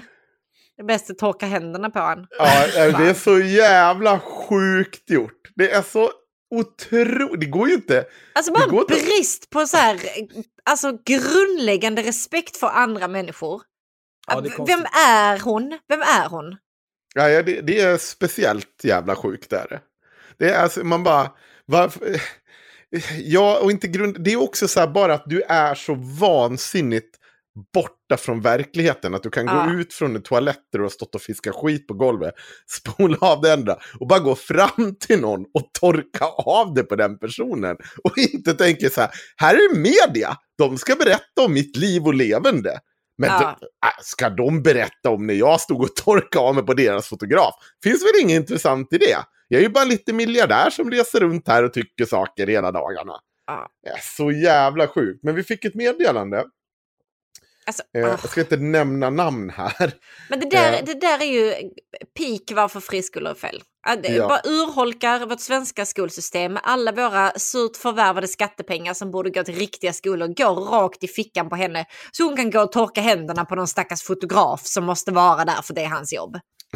Ta era barn ur friskolor på en jävla gång. Ah, Jag, oh, jag blev så trött. Mm, förlåt, fortsätt. Jag fick det här. Engelska skolan har lite rykte av att inte vara så duktig på att ta tur med mobbing. Och snarare önska att den mobbade eleven byter skola. För att det är lättast så typ. Vilket även är fallet då jag blev utstött mobbad av klasskompisar i sjunde klass. Och det var väl tråkigt och så, men det är, det är inte okänt att skolor kan suga på när det kommer till sånt. Och det är sant, det är inte bara eh, friskolor. Men det är väl lite lättare för en friskola att bara, ah, men om du skulle behövt ta förflytta dig till någon annan så. Slipper vi betala så mycket för det här. Men det där det- har de ju gjort flera gånger. De handplockar ju elever, elever som ehm, alltså in- inte har diagnoser till exempel. De hör ju Mm. av sig till elevers gamla skolor och kollar så att de liksom inte har varit i något trubbel. Det är inte så att de, eh, jag vet inte, brukar gå på för provocerande kläder. Det är inte så att de faktiskt är mobbade och sånt så att de kräver någon typ av extra resurser. De vill ju bara ha elever som kräver inga resurser i princip. Ja, men Martin, hade, Martin la ju upp en, en anmälning till Skolinspektionen för det där. Vi kan, de kan ju ta fram det i chatten. Men då fortsätter det här. Det som däremot förvånar mig var när min mamma gjorde en anmälan till Skolverket utifrån att skolan agerade otillräckligt. I mitt fall så bestämde sig Barbara herself att ta ett möte med mig. Mötet bestod essentiellt av att hon kom till skolan, plockade ur mig ur klassrummet och upp till sitt kontor. Väl på plats gjorde hon det tydligt att Engelska skolan hade flera jurister som var duktiga och att om en anmälan till Skolverket fortskred skulle både jag och min mamma bli anmälda för förtal. Sen sa, att hon, sa hon, att, hon, att hon att jag var för söt för att vara ett offer. Eh, kvinnosynen. Ja. Men också, alltså, hon plockar alltså ur det här barnet i skolan, Ja. pratar med den och hotar den utan föräldrar eller någonting annat närvarande. Ja. För att du din jävel kommer inte här och sabba min business. Alltså. Eh, och jag frågade, men vad, vad, vad fan säger du, vad, vad hände sen? Alltså jag var ju ganska liten, så efter, så efter det var jag väl lite omskakad. Men sen bytte jag skola, och det blev inte så mycket mer av det. Mamma berättade dock i efterhand att Barbara under processen brukade ringa hennes mobil på kvällarna. Va? Och gråta slash vara arg över anmälan till Skolverket. Och ville att vi drog tillbaka. Men det- Skolverket sa väl typ, ja, det var osoft och gav dem en anmärkning på hur de hade hanterat ärendet. Sen hände inte så mycket mer. Shit alltså. Ja, det där är fruktansvärt professionellt. Torkade hon näsan på hennes klänning eller någonting när hon var inne på det här mötet med Barbara också? Vad sa du för något? Barbara kanske var lite snuvig och behövde torka näsan på stackars barnet På som barn. hon tog in på sitt kontor och hotade. Ja, bara snyta sig i någons hår, det är inga konstigheter. Nej, inga konstigheter alls. Eh, Jag har också fått lite andra grejer, men jag tror att vi får återkomma till det.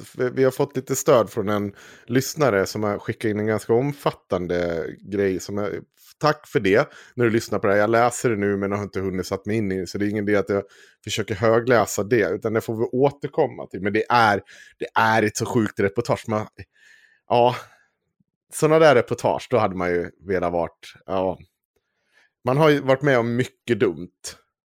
Men det där är ju bra. Alltså. Det är riktigt jävla bra. Ge Alltså, dem där en hon- guldspade Hon är ju en karikatyr. Ja. Men hon är en Alltså, Bondskurk också. ja. Eller en Disney-skurk. Ja. Jag ska bara kolla, för jag vet att Martin skickade upp den där. Eh, jag ska se den innan vi hoppar vidare. Vad har hänt? Beskriv utförligt barnens elevers situation och vad som har hänt eller händer om någon blir utsatt för kränkningar och vill be dig bla bla bla. Barbara Bergström, styrelseordförande och grundare av Engelska skolan, kallar en artikel i Aftonbladet en kvinnlig elev för prostituerad. I en intervju som handlar om en enskild elev som valde att bära shorts säger Bergström, jag klär, inte heller, jag, jag klär mig inte heller som jag går på gatan, säger hon. Hora, prostituerad, går på gatan, samma sak. Skolan har redan vid två tillfällen blivit kritiserad av Skolinspektionen för sin egenhändiga påhittade klädkoder samt att elever, eh, e- eleverna inte har haft inflytande över utformningen och sånt där. Det är så jävla sjukt. Men det är ju galenskap det där. Ja, Men det är också, det, det sjukaste av allt är ju att hur mycket pengar de där två äcklena har tjänat. ja. ja. nästan Hur- en miljard. Hur kan, man få dra, hur kan man få slicka i sig så mycket skattepengar? Ja, jag vet inte. Det... Ja, För, för inte, som varje gång vi pratar om det här, alltså jag skiter i om det är världens bästa skola. I så fall, köp det konceptet av dem. Jag skiter i om staten, jag kan göra så här. Jag kan, jag, om, om svenska staten hade kidnappat de här två och torterat dem för att få reda på hur de gör så fantastiska skolor för så lite pengar, då hade jag varit för det. Mm. För det, här, det här handlar om riket. Inte om två äckel som ska flytta till jävla Boca Raton och, och sitta där och vara konstiga. De är ju inte en särskilt bra skolor. De ger glädjebetyg för att det ska spegla bra. Fast det behöver de ju inte göra längre eftersom eh, det är ju affärshemligheter. Mm. Numera. Men, men det brukar ju vara det brukar ju vara argumentet för de här friskolorna. Så, men titta, de har ju så mycket bättre resultat. Så här, jo, okej. Ja, Men för att det- lärarna får ju bättre betalt om de ger ut massa MVG. Sen kommer Barbara där och bara mhm, men eh, jag tycker faktiskt att det ser lite bättre ut eh, om eh, du delar ut eh, fler MVG i den här klassen. Och sen bundsnyter hon sig så på dig. I nyllet på henne? Ja, ja, precis. Och sen så går hon därifrån bara. Så var det bra så. Så får du göra det. Får du bara höja alla betygen rakt av. Skitsamma att de inte uppfyller några av Skolverkets kriterier. För det spelar ingen roll. Det ska bara se snyggt ut när det kommer ut sen. Åh, kolla vad bra betyg vi har här. kolla på högskoleprovet från friskolor. De standardiserade testen. Nej, vänta, vi kan ju göra det. Many of us have those stubborn pounds that seem impossible to lose, no matter how good we eat or how hard we work out. My solution is PlushCare. PlushCare is a leading telehealth provider with doctors who are there for you day and night to partner with you in your weight loss journey. They can prescribe FDA-approved weight loss medications like Wagovi and Zepbound for those who qualify. Plus, they accept most insurance plans. To get started, visit plushcare.com slash weight loss. That's plushcare.com slash weight loss. Quality sleep is essential. That's why the Sleep Number Smart Bed is designed for your ever evolving sleep needs. Need a bed that's firmer or softer on either side? Helps you sleep at a comfortable temperature? Sleep Number Smart Beds let you individualize your comfort so you sleep better together. JD Power ranks Sleep Number number 1 in customer satisfaction with mattresses purchased in-store. And now save 40% on the Sleep Number limited edition Smart Bed for a limited time. For JD Power 2023 award information, visit jdpower.com/awards. Only at Sleep Number stores or sleepnumber.com. mer. Det är affärshemligheter numera. Alltså. Det är verkligen så jävla dumt. Ja, det, det har ju sagt, det mesta har sagts om det här och det finns ju liksom... Jag menar inte högskoleprovet, jag menar Nej. nat- nationella proven. Jag var bara väldigt upprörd. Det är bara Det är en hänt. absurd jävla artikel. Ja. Ja, det är helt, helt sjuk reportage. Jaha, vet, vet ni vad jag hatar mest när man gör sådär? När vi gör den här podden? Det är när Nej, det men du kommer får pausa så... lite här, för nu Ja. tyvärr, resten av det här avsnittet kan ni lyssna på på Patreon. Nej. jo, nej, men så kommer det bli i framtiden, det är bara dega. Det kommer bli så här, "Åh, nu kommer en cliffhanger här, ja, resten finns på Patreon. Inte som nu när vi försöker vara trevliga här, släpper hela avsnitt till er, pöben som inte betalar för och hela avsnitt bara för de som betalar för sig. Nej, nej, nu klipper vi allt på mitten bara. Inga problem. Ja, i alla fall. Det är svårt att göra satir på någonting som är så bara... Det här, det, det här är ju som ett jävla avsnitt ur Family Guy. Eller jag vet inte vad jag... Ja. Ska jag... Men det kan bli värre, ska jag berätta för er. För att, vet ni vad jag har gjort så ni slipper? Nej. Jag har lyssnat på Alexander Bard. Ugh. Och kommer ni ihåg den där gången när Nassebarnen eh, hängde ut mig för att jag sa att ehm, eh, den här gubbröven borde ha en smäll. Fast jag egentligen direkt efteråt sa att jag vill inte misshandla honom. Mm. Nej, jag tror att du sa det innan till och med. Jag tror du sa, jag vill ju inte misshandla Alexander Bard, men gubbröven behöver en smäll. Nej, jag sa det efteråt och sa att uttryckligen, men, men skit i samma. Jag, Nej, jag har skitsamma. lyssnat igenom. Jag kommer Eh, nästan benägen att ta tillbaka det. Åtminstone vill jag skicka han till månen. Rakt till månen. Där Mm. ska han få sitta och tänka utan syga och smask. Men eh, nu ska vi lyssna på Alexander Bard i Hur kan vi? Och vet ni vad, han har ju varit där och pratat. Och, Har Alexander Bard varit med i Hur kan vi? Ja. Wow! Otippat. 27 gången. och kommer ni ihåg i förra avsnittet i Patreon-exklusiva materialet om eh, Eddie Råbock Ja. och eh, Ernst Robot. Mm. Så pratar de om hur, eller Ed, Ed, nej, jo, Ernst Robot säger att han har varit med i Hur kan vi? och hyllar, eh, vad heter det? Navid. Navid. För att han tycker att han är så bra. Sen de där bögarna i eh, Gott Snack, de var ju bara så tråkiga som ställer massa jobbiga frågor. Men jag kan förstå nu, för jag har inte hört Ernst Robot när han är med i Hur kan vi? Men jag kan förstå varför han höll med. För att det finns inte en kritisk fråga i det. Det här, är, det här får hur kan vi, eller Navids samtal med Ingrid Carlqvist att framstå som balanserat Men- och kritiskt. Alltså helt ärligt så känns det som att vi, det, det är den kritiken vi alltid ser. Om vi Ja. någonsin ska prata om eh, hur kan vi igen så Ja. vill jag att Magnus bara klipper ut när vi har pratat om hur kan vi tidigare. Ja. För att det kommer ändå vara samma, här var ingen kritisk fråga, varför frågar han inte det här?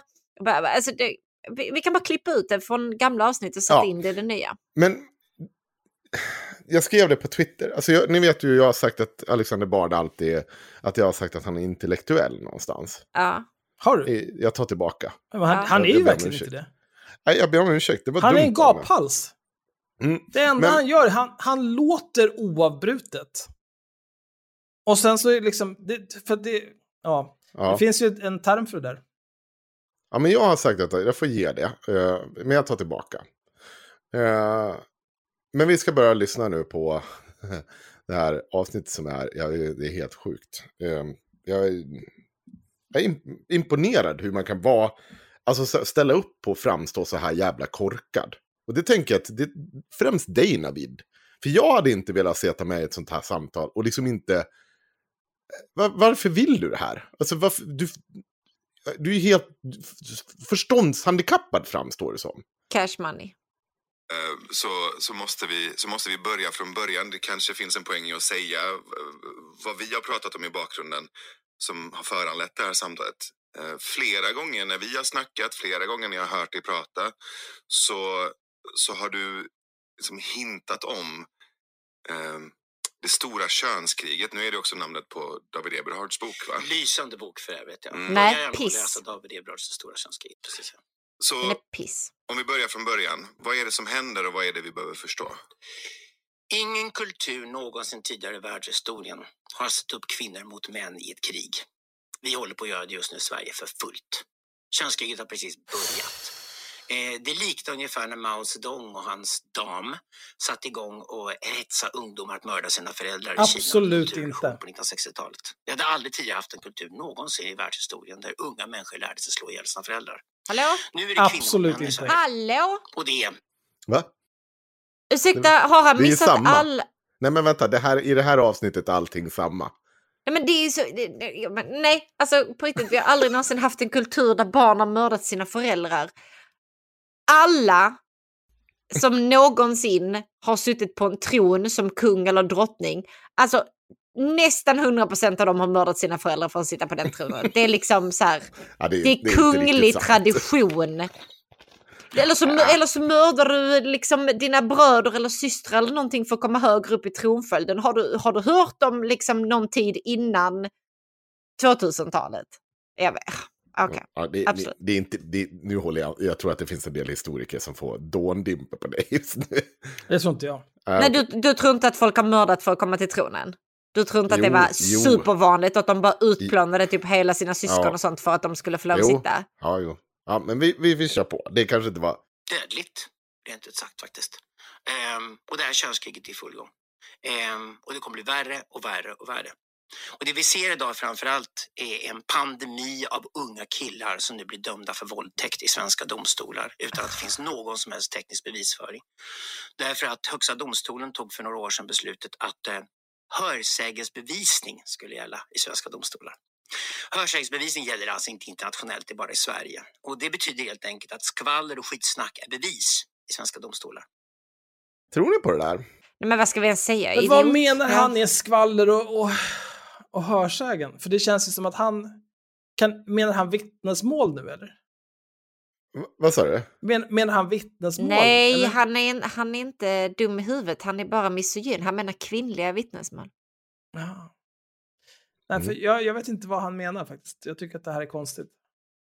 Ja, jag ska, jag ska ta fram bara så här. eh, Jag ska förklara eh, lite så här. Det han säger det är alltså att hörsägen, det är någonting som har tillåts av svenska domstolar. Mm. Eh, och, och att det här då skulle göra att skvaller kan bli bevis. Och har han fel här? Ja, både, eller så här, ja och nej såklart. Eh, Men så här står det. Eh, det här är en fråga i, till Lawline och jag tyckte att den var bra för den tar upp vad det egentligen handlar om. Och då är frågan så här, i en förhandling gäller hörsägen från andra och tredje personer som bevisföring när denne slash denna person inte bevittnat situationen själv eller befunnit sig på platsen någonsin så att personen i fråga framställs som bevi, eh, bevisföring.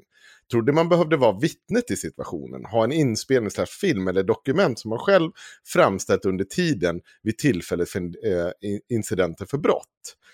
Och, och så står det lite mer om det i själva frågeställningen. Men svaret är bra. Jag tolkar din fråga så att du syftar till domstolsförhandlingar i ett brottsmål. I Sverige gäller principen om fri bevisföring och för fri bevisvärdering, vilket tar- uttryck i 35 kapitlet första paragrafen i rättegångsbalken. Och det man säger är så här då. Eh, fri bevisning innebär att det är upp till domstolen att bedöma vilket värde som ska tillmätas ett bevis. En helhetsbedömning av allt som kommer in till domstolen ska göras. Hörsägen från andra och tredjehandsvittnen lär inte tillmätas alls lika stort värde som ett förstahandsvittne, men det kan fortfarande påverka utgången av ett brottsmål. Hänger ni med? Mm. Och vad skulle då första eller vad säger, andrahandsbevisföring kunna vara? Då? Ja, till exempel så här. Om en person har varit konsekvent i sin berättelse om en händelse, eh, om vi säger att det är ganska långt tillbaka i tiden, men att den till exempel varit hos läkare, psykolog eller liksom berättat för vänner om en berättelse. Och den berättelsen kan styrkas av flera av, obero- av varandra oberoende personer. Då kan ju det styrka trovärdigheten. Det behöver inte säga att det som har hänt är sant, men det kan styrka en trovärdighet i berättelsen. Mm. Eh, ett annat exempel eh, när det kan bli konstigt om man inte tillåter fri bevisföring. Nu vet jag inte om det här faktiskt hände, men jag tycker väl det är ett bra exempel. Om, om jag förstod det rätt i den här Kyle Rittenhouse-rättegången så tillät inte domaren att visa upp en videofilm, för han visste inte, han trodde att det skapades nya pixlar eller något sånt där om man förstorade, som gjorde att det såg ut som något annat. Hörde ni om det här? Jag känner inte Nej, det där Nej, låter men- jättedumt. Ja, jag, jag vet att det låter dumt, men om jag förstod det rätt så tog man bort den som bevisning. Då gäller ju inte fri bevisföring där på samma okej. sätt. För då hade man ju, det hade ju varit bättre om man då fick se det här och sen fick man ta ställning till om det faktiskt var eh, ett konkret bevis. Och det, det är ju så det funkar här också. Han snackar ju skit. Vi har haft fri bevisföring, om jag har förstått det, typ hundra år. Alltså, det, Men om man bara säger att högsta trams. domstolen har bestämt det här, då måste han ju kunna hänvisa till någon dom, eller? I, eh, nej. Eller vadå, tror du att Alexander... Nej. Vadå, tror du att han har...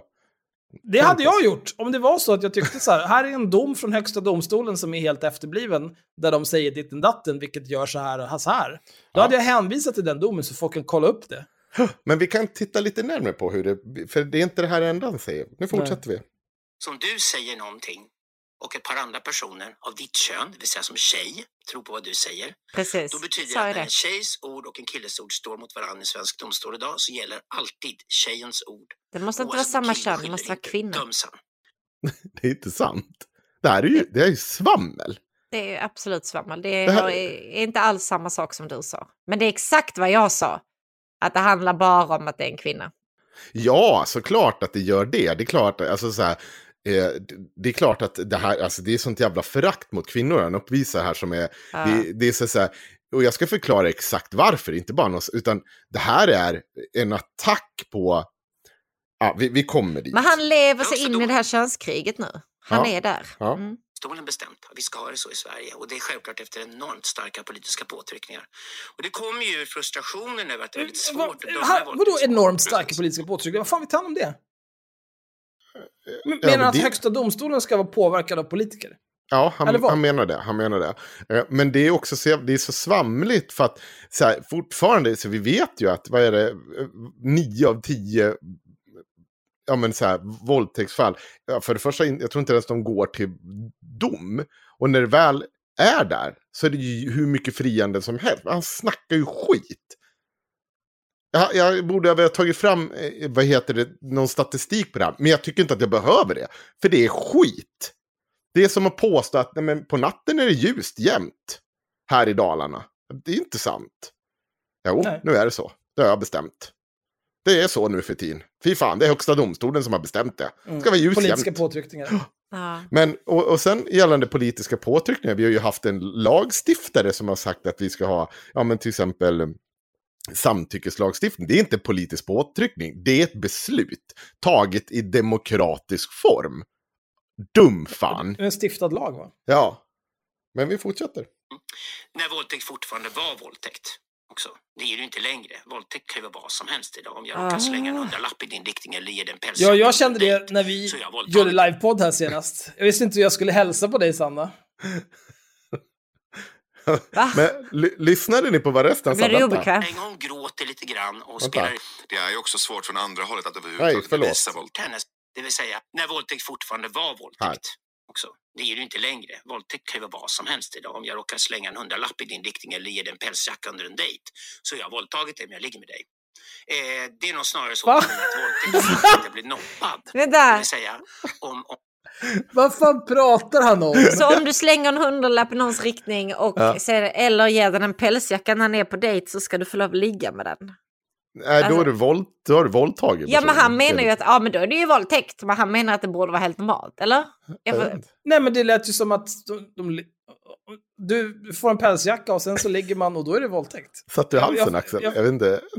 Tycker men jag det är fattar- normalt? Jag fattar inte kopplingen. nej inte jag heller. Jag, Nej, Vad, det- vad är det, men vad är det här för händelsekedja liksom? Här får du en pälsjacka, tack, vad fint, ska vi ligga? Ja okej, vi ligger. Du har våldtagit nu är jag våldtäktsman. Va? Ja. Vad är det som händer?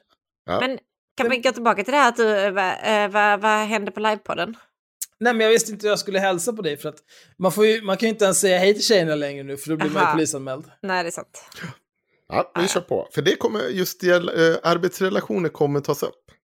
om eh, en tjej blir nobbad av en kille så kan hon påstå att han har våldtagit henne. Det är Ja, det är klart att hon kan det, men det händer tjejen ingenting. får hävda Alltså, vad hon vill och så länge hon gråter lite grann och spelar ut lite drama och har ett par tjejkompisar som har hört henne säga det hon säger så är det bevis i svenska domstolar idag.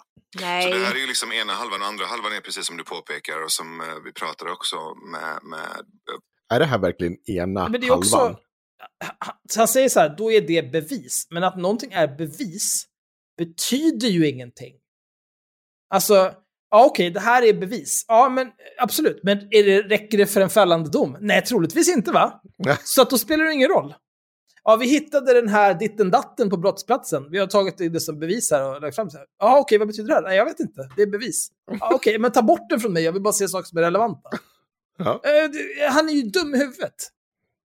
både Billy Butt och Björn Hurtig när de var här att det är ju också svårt från andra hållet att överhuvudtaget bevisa våldtäkt. Så att Det började med Billy Butt, det är ju profetiskt. Därför är det så viktigt att Björn Hurtig har suttit här hos dig och berättat om det fallet. För Billy Butt var inte snygg och han var inte ung. Okej? Så han var en ful gubbe. En man, man kunde påstå vad som liksom. helst om honom och få honom dömd. Det börjar på 1990-talet när alla de här problemen sätter igång. Och sen har vi Jean-Claude Arnaud också som Lena Andersson har skrivit en fantastisk text om. Det är totalt justitiemord från början till slut. Det är ingen våldtäkt vi pratar om överhuvudtaget. Man kan vara slabbig på alla möjliga sätt och sexualitet är aldrig särskilt nice egentligen. Men det handlar inte om våldtäkt överhuvudtaget. Så ordet våldtäkt har fullständigt förstörts i svenska språket. Så, äh, här har någon tykonom skrivit en text om någonting, så då, då är det inte våldtäkt. Det har jag bestämt. Det är politiskt, det är påtryckningar. Vet du, jag kollade upp det här eh, om Jean-Claude Arnault.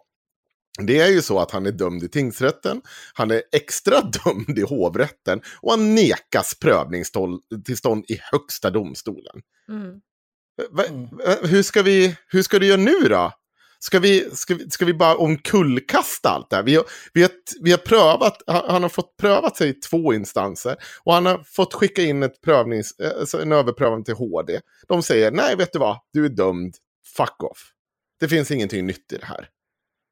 Så, Ja. okej. Är det ett justitiemord då mot honom? Är det ett justitiemord mot alla de här killarna? Ja, det, ja, det är ju det han säger, men okej, vi återkommer till det.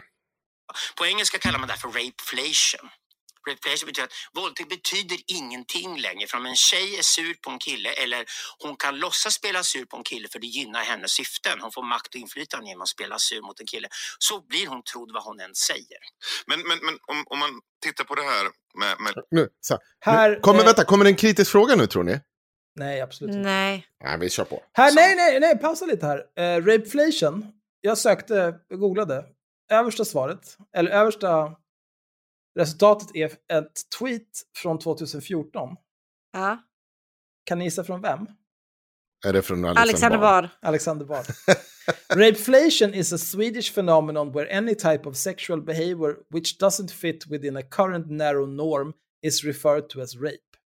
Eh, den han som har 16 hittat på det? februari 2014. Det är alltså Fast sju... han sa ju just, vänta nu. det- Han sa just att det var amerikanskt. Ja, Men vänta, vi lyssnar år sedan. igen. prata om taget. Man kan vara sladd på alla möjliga sätt och sexualitet är aldrig särskilt nice egentligen. Men det handlar inte om våldtäkt överhuvudtaget. Så ordet våldtäkt har fullständigt förstörts i svenska språket idag. På engelska kallar man det här för rapeflation. Rapeflation betyder att våldtäkt betyder ingenting längre. För om en tjej är sur på en kille eller hon kan låtsas spela sur på en kille för det gynnar hennes syften. Hon får makt och inflytande genom att spela sur mot en kille. Så blir hon trodd vad hon än säger. Ja, Men- det men- finns men mer. om- Pausa. om- Ja. Ja, det här 16 februari 2014, det är nästan åtta år sedan. Mm. Eh, sen 8 juli 2015 så är det någon Dan Perrins som har skrivit någonting här om ah, bara massa hashtags där han har mer rapeflation. Mhm. Det är olika människor, någon annan som heter Bad Wolf 303 som har Expel and arrest Republican traitors i sin bio. Den här Dan Paris har Fact Slinger, Firm believer in equal rights and responsibilities. Whose bowl of cornflakes did I piss facts into now? Oh, wow. Här kommer han, förstör folk med facts and logic. Eh, sen finns det också en sida som heter The Red Archive under kategorin Men's Rights. Eh, Mm. Fabulous new term, rapeflation. The statistical conflation of rape and sexual assault. A broad category that can include trivial infractions like a pat on the butt. Mm. Det, jag vet inte vad det här... eh, Ja, The Red Pill. Ja, det är någon typ av... Ja, okej. Det här är någon, någon sida som eh, Ernst Robot säkert skulle gilla. Mm. Eh, och sen Chockad. kommer det någon jävla Wordpress och sen är det någon skit från Reddit. Så det, nej, det är ingen på engelska som pratar om det här.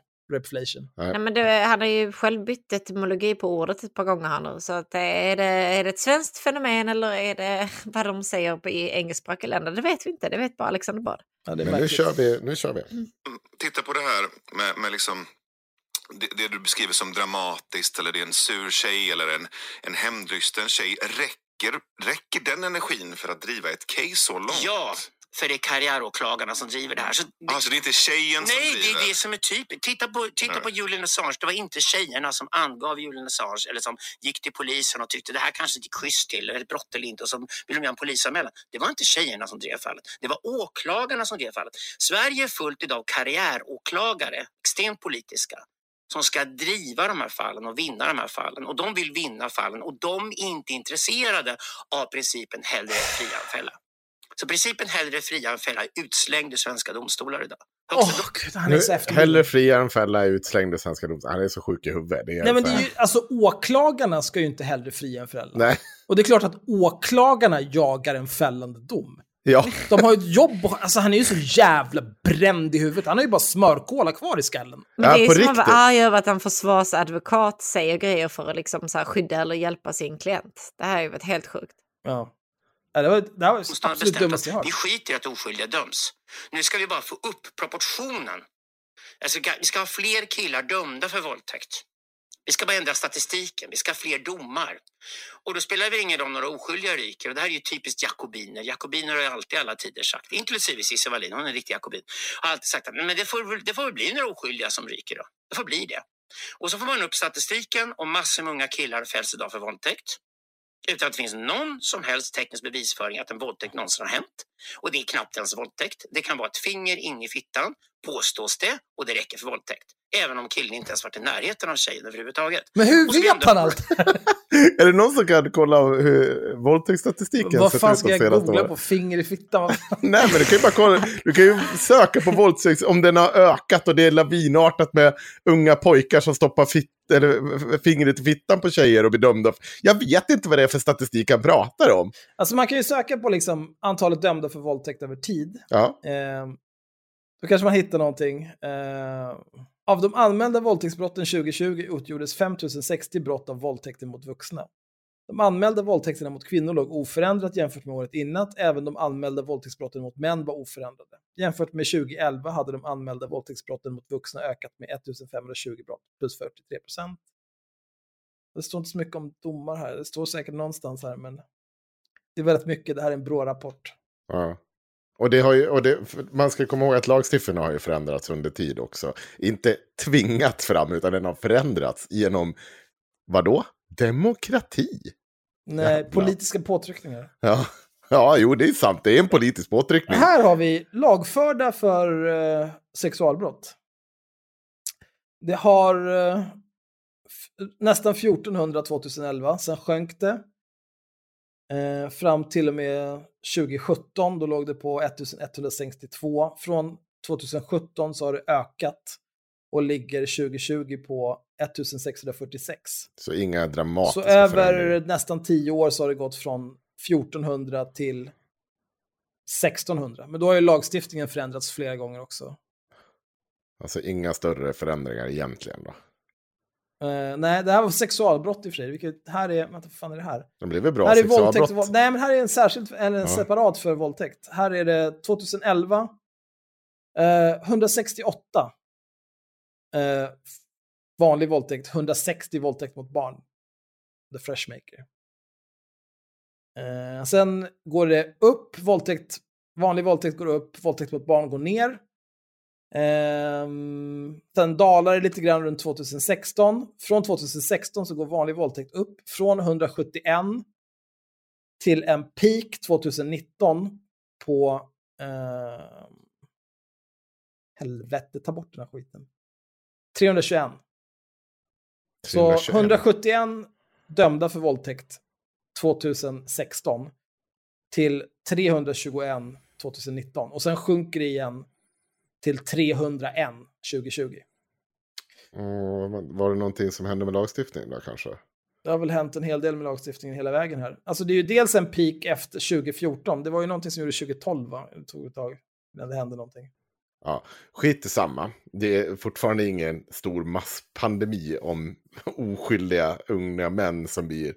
Ja, Nej, och tittar man på trenden nu så är ju den fallande. mm, Från 321 2019 till 301 2020. mm. Eh, våldtäkt mot barn ökar däremot. Ja, det är inte... Men jag menar, har ni tänkt på att det förmodligen har med pandemin att göra? Man kan inte vara ute och göra massa överfallsvåldtäkter så man måste vara hemma och våldta sina barn. Oj, Oj. jag tar avstånd. Ja. Vi kör på. Flera års fängelse får sitt liv förstört. Det som då händer är att killarna får sitt liv förstört för att bli dömd för våldtäkt i vår kultur, det är ett dödsstraff. Du är förstörd resten av livet om du döms för våldtäkt. Det finns inget värre än att komma in på en anstalt i Sverige dömd för våldtäkt för alla de andra kommer trakassera dig stenhårt. Du förstör ditt psyke förstör ditt liv förstör. Men det värsta är att för tjejerna blir det likadant för de här tjejerna som dras in i de här anmälningarna och som används som material av karriäråklagarna får ju också sina liv förstörda. Om du är en 17-årig tjej idag som, som var på någon fest och du levde ut och du kanske, kanske tog, ko- tog kokain och drack dig full och sen kommer dina föräldrar hålla dig ansvarig för att du har festat loss för din tonåring. Då är det självklart väldigt bra för dig att ange att någon snubbe som var i rummet har våldtagit dig någonstans i något eget rum där i huset där du var. Och då blir du trodd. Och karriäråklagarna driver det här för då vinner de de här fallen. Men de här tjejerna är ju därefter oanställningsbara. Det finns ju inte något företag där det finns någon manlig anställd idag i Sverige som någonsin kommer anställa en tjej som hipp-happ från ingenstans har släpat en kille in i en domstol och fått honom fälld för våldtäkt. Men jag tänker att det är inte bara... därmed Nej, det är tydligen någonting vi inte kommer göra som män. Väldigt konstigt sagt. Det låter som att någonting som ni män kanske borde ändra på i så fall. Om det är någonting ni har tagit på ert Nej, senaste vi- möte, Ja, vi kom överens om det här på årsmötet. Så. Så Ja, vi kanske ni hade- ska ändra det, för att det låter ju helt idiotiskt. Ja, men grejen är så här Sanna, alltså. M- Måste kunna hälsa på sina kollegor. Ja, men också var... Alltså, mina ögon går kors, jag är så jävla trött. Men också var går gränsen? Det måste varit att man har varit i domstol. Alltså, eller alltså, är det bara så att det är alltså, våldtagna kvinnor som inte får bli anställda? Då måste det vara i domstol. Eller eh, sexuellt ofredande, gills det? Om man har blivit sexuellt ofredad, är man oanställningsbar då också? Var, var går gränsen undrar jag? Ni som var på mansmötet. Alltså överlag... eh, det var Alexander Bard som var protokollförande så jag minns inte exakt Ja, vad nej, som men jag sades. ska nog ringa honom och fråga Ja. det här, var gränsen, var gränsen dras faktiskt. Be CC med i det här protokollet. De har, I den här BRÅ-rapporten ser jag nu har de varit vänliga nog att skriva till in eh, när lagstiftningen ändrats. Eh, 1 april 2005 utvidgades våldtäktsbestämmelsen. Eh, 1 juli 2013 utvidgades våldtäktsbegreppet ytterligare. Eh, 1 juli 2018 samtyckeslagstiftningen. Och det är ju, ja, från 2013 till 2014 är det ju en topp, sen dalar det igen. Och från 2018 till 2019 är den största piken från Mm. eh, 224 till 321, men sen så dalar det som sagt. lite. Men det är metoo-trenden där va? Eh, ja, det lär ju varit också. Goods, liksom, Det är inte bara den här liksom, eh, CV-nivån heller, utan alltså, psykologiskt så är det ju svinjobbigt för vem som helst att gå igenom en sån här process också. Ja, de får sina liv, sina psyken och sina liv förstörda. Så vi förstör idag unga tjejers liv. Vi förstör idag unga killars liv därför att vi har fått en politiserad åklagarklass som vill göra karriär och skiter i om folk är, är, är, skyldiga eller inte och bara vill vinna sina mål. Och det värsta är att de här karriäråklagarna är nästa generations domare. Då kommer hela domstolsförfarandet, domarna, är fo- alltså domarna i domstolarna är fortfarande kanske det sista stället du kan rädda saker och kanske kan tillämpa hellre fria än fälla, även om högsta domstolen skiter i det idag också. Men om Men vi har ju nämndemannasystemet och vi har tre instanser. Ja, och så här bara, men om domarna, vänta, sist jag kollade, så om du säger att unga pojkar, eller män, blir dömda på löpande band. Sist jag kollade så är det inte åklagaren som dömer de här. Nej, men han Utan- hade ingen aning. Han, han, det är klart han har en aning. Han är bara slut i hela jävla... Men kan vi bara backa bandet lite och, och um, satt Navid och bara och höll med om att kvinnor blir så förstörda av våldtäkt att de förmodligen Ja. inte kan jobba? Ja, Mm. och det förstör CVt för dem om man tycker synd, men det förstör ju deras liv att vi låter dem gå och anmäla och det är synd Ja, om det- kvinnorna som blir Just utsatta. eh, den biten kan ju Navid jättegärna få lov att förklara vad fan han tänkte när han satt och höll med där. Att kvinnor är- blir så sabbade i huvudet psykologiskt att de inte klarar av att eh, ha ett förvärvsarbete efter de har blivit våldtagna. Ja, nej, men Snälla så här- Navid, ja, förklara men vänta, det för det är inte det han ringa mig. säger. Nej, det är inte ens det han säger. Det skulle ju kunna hända att du kan bli sabbad i huvudet av att bli våldtagen, absolut. Jag har inget problem med. Men det är att de påstår att det här sker som en lögn och därför blir de sabbade i huvudet. Mhm. Och Äh, också På grund av lögnen. Anledningen till att man inte kan ha ett jobb är ju för att om man då har hållit på och polisanmält någon för våldtäkt så blir man ju oanställningsbar. För då kommer Ja. man ju självklart polisanmäla alla sina manliga kollegor. För Ja, det är så man är. Och då, man är ju bara en som springer runt och polisanmäler fejkade våldtäkter. Tänk att de här karriäråklagarna är nästa generations Eh, eh, domare vi har i domstolarna. Då är skadan många generationer framåt. Svenskt rättssystem är i fritt fall idag. Men den här gruppen som, som du pratar om, den här gruppen med, med karriäråklagare, de kan väl inte driva det här ensamma själva? Det, det måste ju finnas någon form av liksom, eh, som, eh, uppbackning eller någon annan som också har en agenda eller en annan grupp som också kan som, Ja, och det är, det det är framförallt kvinnliga politiker, det vill säga den nya svenska vänstern. Det är Annie Lööf och det är Märta Stenevi. De, de driver det här stenhårt och bygger karriärer på det här också. Alltså shit vad jag saknar Fredrik Federley. Han hade dålig smak visserligen, men dålig karsmak, när bögar har dålig karsmak, då är karriären över. Tjejer har ju dålig karsmak jämt. Titta på Anna Kinberg Batra bara. Ingen har bestraffat henne för hennes dåliga karsmak. Oj. Varför ha, hatar han David Batra för? Oklart för att han har Rasist. drivit med honom. Jag vet inte. Det är, så, det är så väldigt, väldigt, väldigt, väldigt oklart allting som sker i det här avsnittet. Och det är så väldigt, väldigt, väldigt, väldigt oklart varför Navid inte säger någonting. Alltså ja, jag är så himla nära att bara bli politisk lesbisk alltså.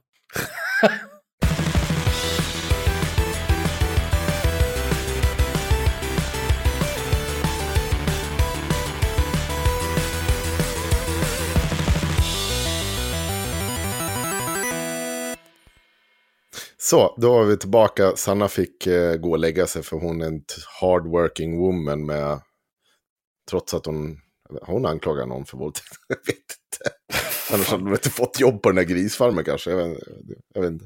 Nej, hon gick upp för 19 timmar sedan, så det, då behöver Ja. man inte vara vaken så länge. Nej, men vi kör på. Det är fortfarande Alexander Bard och det är fortfarande hjärnblödning. procent av alla venture capital-investeringar i Europa idag går till kvinnligt företagande. Kvinnor startar inte företag som skapar några jobb. Hur många Kvinnor procent går av... till Va? offentlig sektor. Va? Hur många procent av venture capital? va? Vi kan backa. Jag, jag hoppar framåt. Det, det ska kanske till det. Jag hoppar fram nu eh, och höra lite nytt. Men vi Ja. kan väl lyssna från början. Vänta. näringslivet i Sverige idag. Om vi tittar på investeringarna i tech. Du och jag har många vänner som är i tech. okej? Tittar investeringar i tech i Europa idag går 88 procent av alla investeringar till företag med bara män. 88 procent. 11 procent av investeringar går till företag som är blandat ägande män och kvinnor, det vill säga man har tagit in någon kvinna någonstans i systemet för att det ska se bra ut. 1 procent av Det är bara, hon, hon är bara intagen för att det ska se bra Alltid ut. inkvoterad. Ja, alltid inkvoterad. alla venture capital-investeringar i Europa idag går till kvinnligt företagande. Kvinnor startar inte företag som skapar några jobb. Kvinnor går allihop till offentlig sektor. Majoriteten av generaldirektörer i Sverige idag är kvinnor. Det betyder att kvinnorna går all in i offentlig sektor, satsar på traditionella gamla jobb, pluggar medicin, juridik, sådana saker och ska sedan landa med jobb i offentlig sektor och ska slåss för att de ska ha höga löner där. Samtidigt som männen går in i näringslivet. Okej, var skapas mervärdet i ett samhälle? I näringslivet. Vi beskattar sedan näringslivet och tack vare tunga skatter mot näringslivet och de som jobbar där finansierar vi den offentliga sektorn. Då undrar jag bara, hur länge ska svenska män stå ut med att bli behandlade som skit och betala hela notan för att svenska Snälla. kvinnor blir vegana? Men är han så jävla dum att han inte fattar kommer- att ett samhälle är liksom ett kretslopp? Det är inte så att det bara är privat sektor som skapar värde. Vad skulle privat sektor kunna skapa för värde om det var så att det fanns inga vägar? Det fanns ingen elektricitet. Det fanns inga skolor, så det gick inte att anställa någon som hade mer begåvning än att slå en sten mot en annan sten. liksom, all infrastruktur i samhället är offentligt finansierad. Det är ett kretslopp. Nej, vilken jävla idiot. skatteupproret ganska snart. Och där kommer kvinnorna få sin stora problem. Hur de ska lösa det, det vet fan. Så det, det, det, är många trådar på gång samtidigt så jag försöker liksom nysta lite. här Svensk vänster idag är kvinnlig. Svensk höger idag är manlig. Vi har inte längre någon klasskonflikt i Sverige. Vi har tagit bort klasskategorin. Istället har kvinnorna gått raka vägen vänster. Det är därför Annie Lööf sitter idag med Socialdemokraterna, Miljöpartiet och Vänsterpartiet och ska skapa svensk vänster och kommer bara ha kvinnliga väljare och kvinnliga medlemmar. Männen går till höger, männen går till Jimmy, männen går till höger, landar nya partier som Medborgerlig Samling eller Sverigedemokraterna. Där landar männen idag.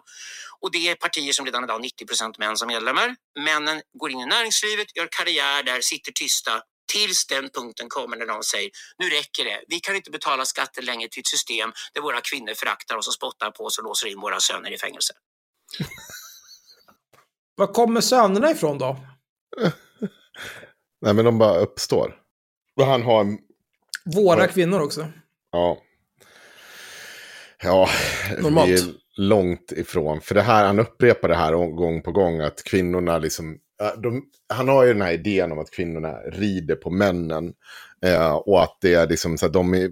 Ja, men, det är på något sätt oförändligt i att de skulle kunna ehm, ja, men starta techföretag en dag. Eller så här. Att det inte har funnits strukturer som har hållit tillbaka kvinnor. Det är liksom inte, finns inte på världskartan. Utan det är bara det här jävla dravlet om att eh, ja, men, kvinnor våld, liksom låtsas bli våldtagna. Eh, och det kommer vi in på nu. Det är precis det vi ska komma in på nu. Alltså, i världen om att Sverige är fullt av huvudsakligen kvinnliga karriäråklagare. Det finns en hel del män med i det spelet också, men huvudsakligen kvinnliga karriäråklagare som driver vad som helst och ska vinna till vilket pris som helst och har politiserat de svenska tingsrätterna och de svenska hovrätterna och alltihopa och gjort eh, Sverige till ett system där man mycket hellre fäller än friar om man är det minsta osäker. Bara en man involverad. När du säger att det här eh, liksom, det styrs av galna kvinnor så kan det ju lätt uppfattas som att, eh, ja men du vet, ofta man har använt ord som galen eller hysterisk för att beskriva liksom, det kvinnliga psyket, att det kan bli liksom som en... Och det är ju i det här fallet också. Men det finns ju då falska riddare med i det här spelet som många killar pratar om. Jaha, eh, ska vi inte... Det kommer inget mer därefter det, i din försök till kritisk kommentar att han sitter och beskriver kvinnor som rabiata galningar som liksom bara försöker låsa in män. Men Alexander räddar ju honom genom att avbryta honom och börja prata om något helt annat. Ja. Alltså, killar generellt idag vet att om du har legat med någon brud lite slarvigt eller nobbat en brud någonstans så skriver de på Instagram tre dagar senare att hon blivit våldtagen av dig. Det, det här visste jag inte. För det har inte... Jag kan inte påminna mig att det har hänt. Eh, är det något supervanligt? Jag kan inte... I hela min bekantskapskrets så har det inte riktigt varit på så sätt. Jag vet inte. Nu vet killarna om att ja, men nu används ordet våldtäkt till absolut allting där en tjej är sur. Så det vet killarna redan om idag. Nu ser det här, de ser att det här sprids. Sen leder det här fram till att karriäråklagarna börjar driva rättegångarna. Men då finns ju falska riddare med i spelet. Det är killar som använder sig av det här. Så till exempel om du har en kille som blir polisanmäld och det finns en annan kille som har några oförrätter mot honom, då kommer han garanterat ta ut tjejerna som är involverade i det här och övertala dem att någonting har inte gått rätt till och de måste stå på sig och sen eldar han på dem utav helvete för att de ska göra polisanmälan och sen gå vidare och få en åklagare att driva målet. Det finns gott om män som använder det här i maktsyfte också och därför är det falska riddare. Och självklart finns det massor med kvinnor i Sverige idag som är jätteoroliga över den utvecklingen. Jag blir alltså nu, jag var ju med under metoo och tog striden. Tänk, tänk att han kan vara så här rapp i käften. Och bara liksom ändå så det enda som kommer ut är... Jag vet inte. Jo, men det är det jag säger. Alltså, han, hela hans stick är ju att han bara kräks ord. Ja, han det är... går ju från en grej till en annan, till nästa, till nästa, till nästa. Och Ja. maler på, maler på tills någon avbryter honom. Men det är också så det är ju ändå så förvånansvärt sammanhängande, även om det finns mycket som säger emot sig självt hela jävla tiden. Och man, man hade ju så här, om jag hade sett det, men bara en grej, så här, har du någon källa på att det är så här? Du pratar om någon typ av kvinnlig karriär och klagarklass som har liksom gått ihop och gör det här. Finns det, har du något liksom så här, hur? Kommer, hur har du, finns det någon typ tecken i tiden eller statistiken på att det är, kan man se att kvinnor som har fått någon fälld för våldtäkt, att de inte får jobb sen? Eller hur ser det ut? Det är bara pladder. Glöm inte vad jag sa under metoo. Jag sa att det här kommer bli feminismens första stora bakslag. Vänta ska ni få se. Att kvinnor går ut och skapar isolerade rum där de får säga vad de vill om män och ingen håller dem ansvariga för om det är sanning eller lögn. De kan påstå vad de vill och alla tjejerna står bakom dem och säger ja, på honom, på honom, på honom, vad de än påstår. Vilket är vad som hände under metoo i Sverige. Då sa jag så här, då kommer ju kvinnor bli oanställningsbara i företag där det finns manliga medarbetare. Nu ringer unga tjejer till mig runt 25 års ålder, Nej. gått högskolan, pluggat hårt, ansträngt sig mycket, vill göra karriär. Och så ringer de mig och frågar varför de inte får några anställningsintervjuer och blir nobbade. Varför ringer de Alexander Bard och frågar det? Hur får de tag på hans nummer? Vilka är de här personerna? Hur många är de, Alexander Ward? Det är ingen så här, också så här, jag vet att det här har vi fått när vi har vi har fått skit när vi har pratat om honom tidigare, när folk så här håller på. Ja, men ni förstår ju inte honom, han är så, eh, ni, ni fattar inte vad han menar, och ni fattar inte hur han tänker, och ni, liksom så här, ni kan inte smart. Han är ju efterbliven! Vad, vad, ska jag, t- vad är det du säger? Vad, vad, tror ni på det här? Tror ni på att den här mannen är smart? Tror ni på att det är, liksom så här, han sitter, det är väl klart inte en massa 25-åriga tjejer sitter och ringer till Alexander Bard och frågar varför de inte får jobb när de Vilken, är 25, välutbildade. vilken 25-årig tjej vet ens att Alexander Bard finns? Ja. Varför skulle de veta det? Ja, ja. Det finns ingen anledning. Huh, då kör vi. Och då får jag förklara för dem och säga att tror att det finns någon man kvar i Sverige som jobbar i svenskt näringsliv idag som är över 40 år gammal som tar en tjej om det finns en kille som söker jobbet. Han tar killen på en gång. Varför då? Det finns ingen man med 40 som vågar ha en ung tjej på en arbetsplats längre. Därför att den unga tjejen kan ju idag gå ut och påstå vad som helst om honom om hon inte får som hon vill. Så om hon inte får som hon vill när hon pratar med sin chef kan hon gå och påstå att han har tafsat på henne. Han blir dömd för våldtäkt. Det finns ingen man över 40 år som ställer upp på det här vansinnet längre i Sverige. Så vi har redan stängda dörrar och här märker kvinnorna hur patriarkatet kommer tillbaka. För det är Så här kan vi pausa lite här. Ja. Dels är det ju så här, eh, okej, du anställer en tjej. Hon får inte som hon vill. På vilket sätt får hon inte som hon vill? I, i vilken situation? Alltså, här, hon slipper alla sina arbetsuppgifter men får lön ändå. Hon får inte 10 000 mer i lön. På vilket sätt, i vilken kontext skulle det vara rimligt att en chef har den typen av makt att han kan göra så? Så här, nej, men du behöver inte jobba, du behöver inte göra något, du behöver inte producera, du kommer bara få en lön. Eller så här, du får 10 000 mer i lön. Det, är liksom, det där är ju rekryteringsprocesser som involverar HR, det finns budgetar avsatt, så här, den här tjänsten, det är så här mycket. Det här sker liksom inte. Och gissa vilka som jobbar i HR ofta? Kvinnor. Ja. Men det är också så här, vad är det här också för kvinnor han menar finns? Som går runt, kommer till en är arbetsplats, överallt. är sociopater. Och bara så nej nu fick inte jag som jag ville, vet du vad? Då kommer jag anklaga dig för våldtäkt. Ja, det, det låter väldigt sinnessjukt gjort. Det låter som att du är en total galning. Men tydligen så är alla kvinnor så här. Ja. Eller det- så är män så... Du får blipa det där. Fan. Eller så är män sådana hummadoror att de på något vis liksom så här, ja men jag läste om det här i, i jag vet inte, på Twitter från Alexander Bard eller något annat efterblivet. Så nu tror jag att alla kvinnor är så här. För jag har ingen som helst... Ja, men... det-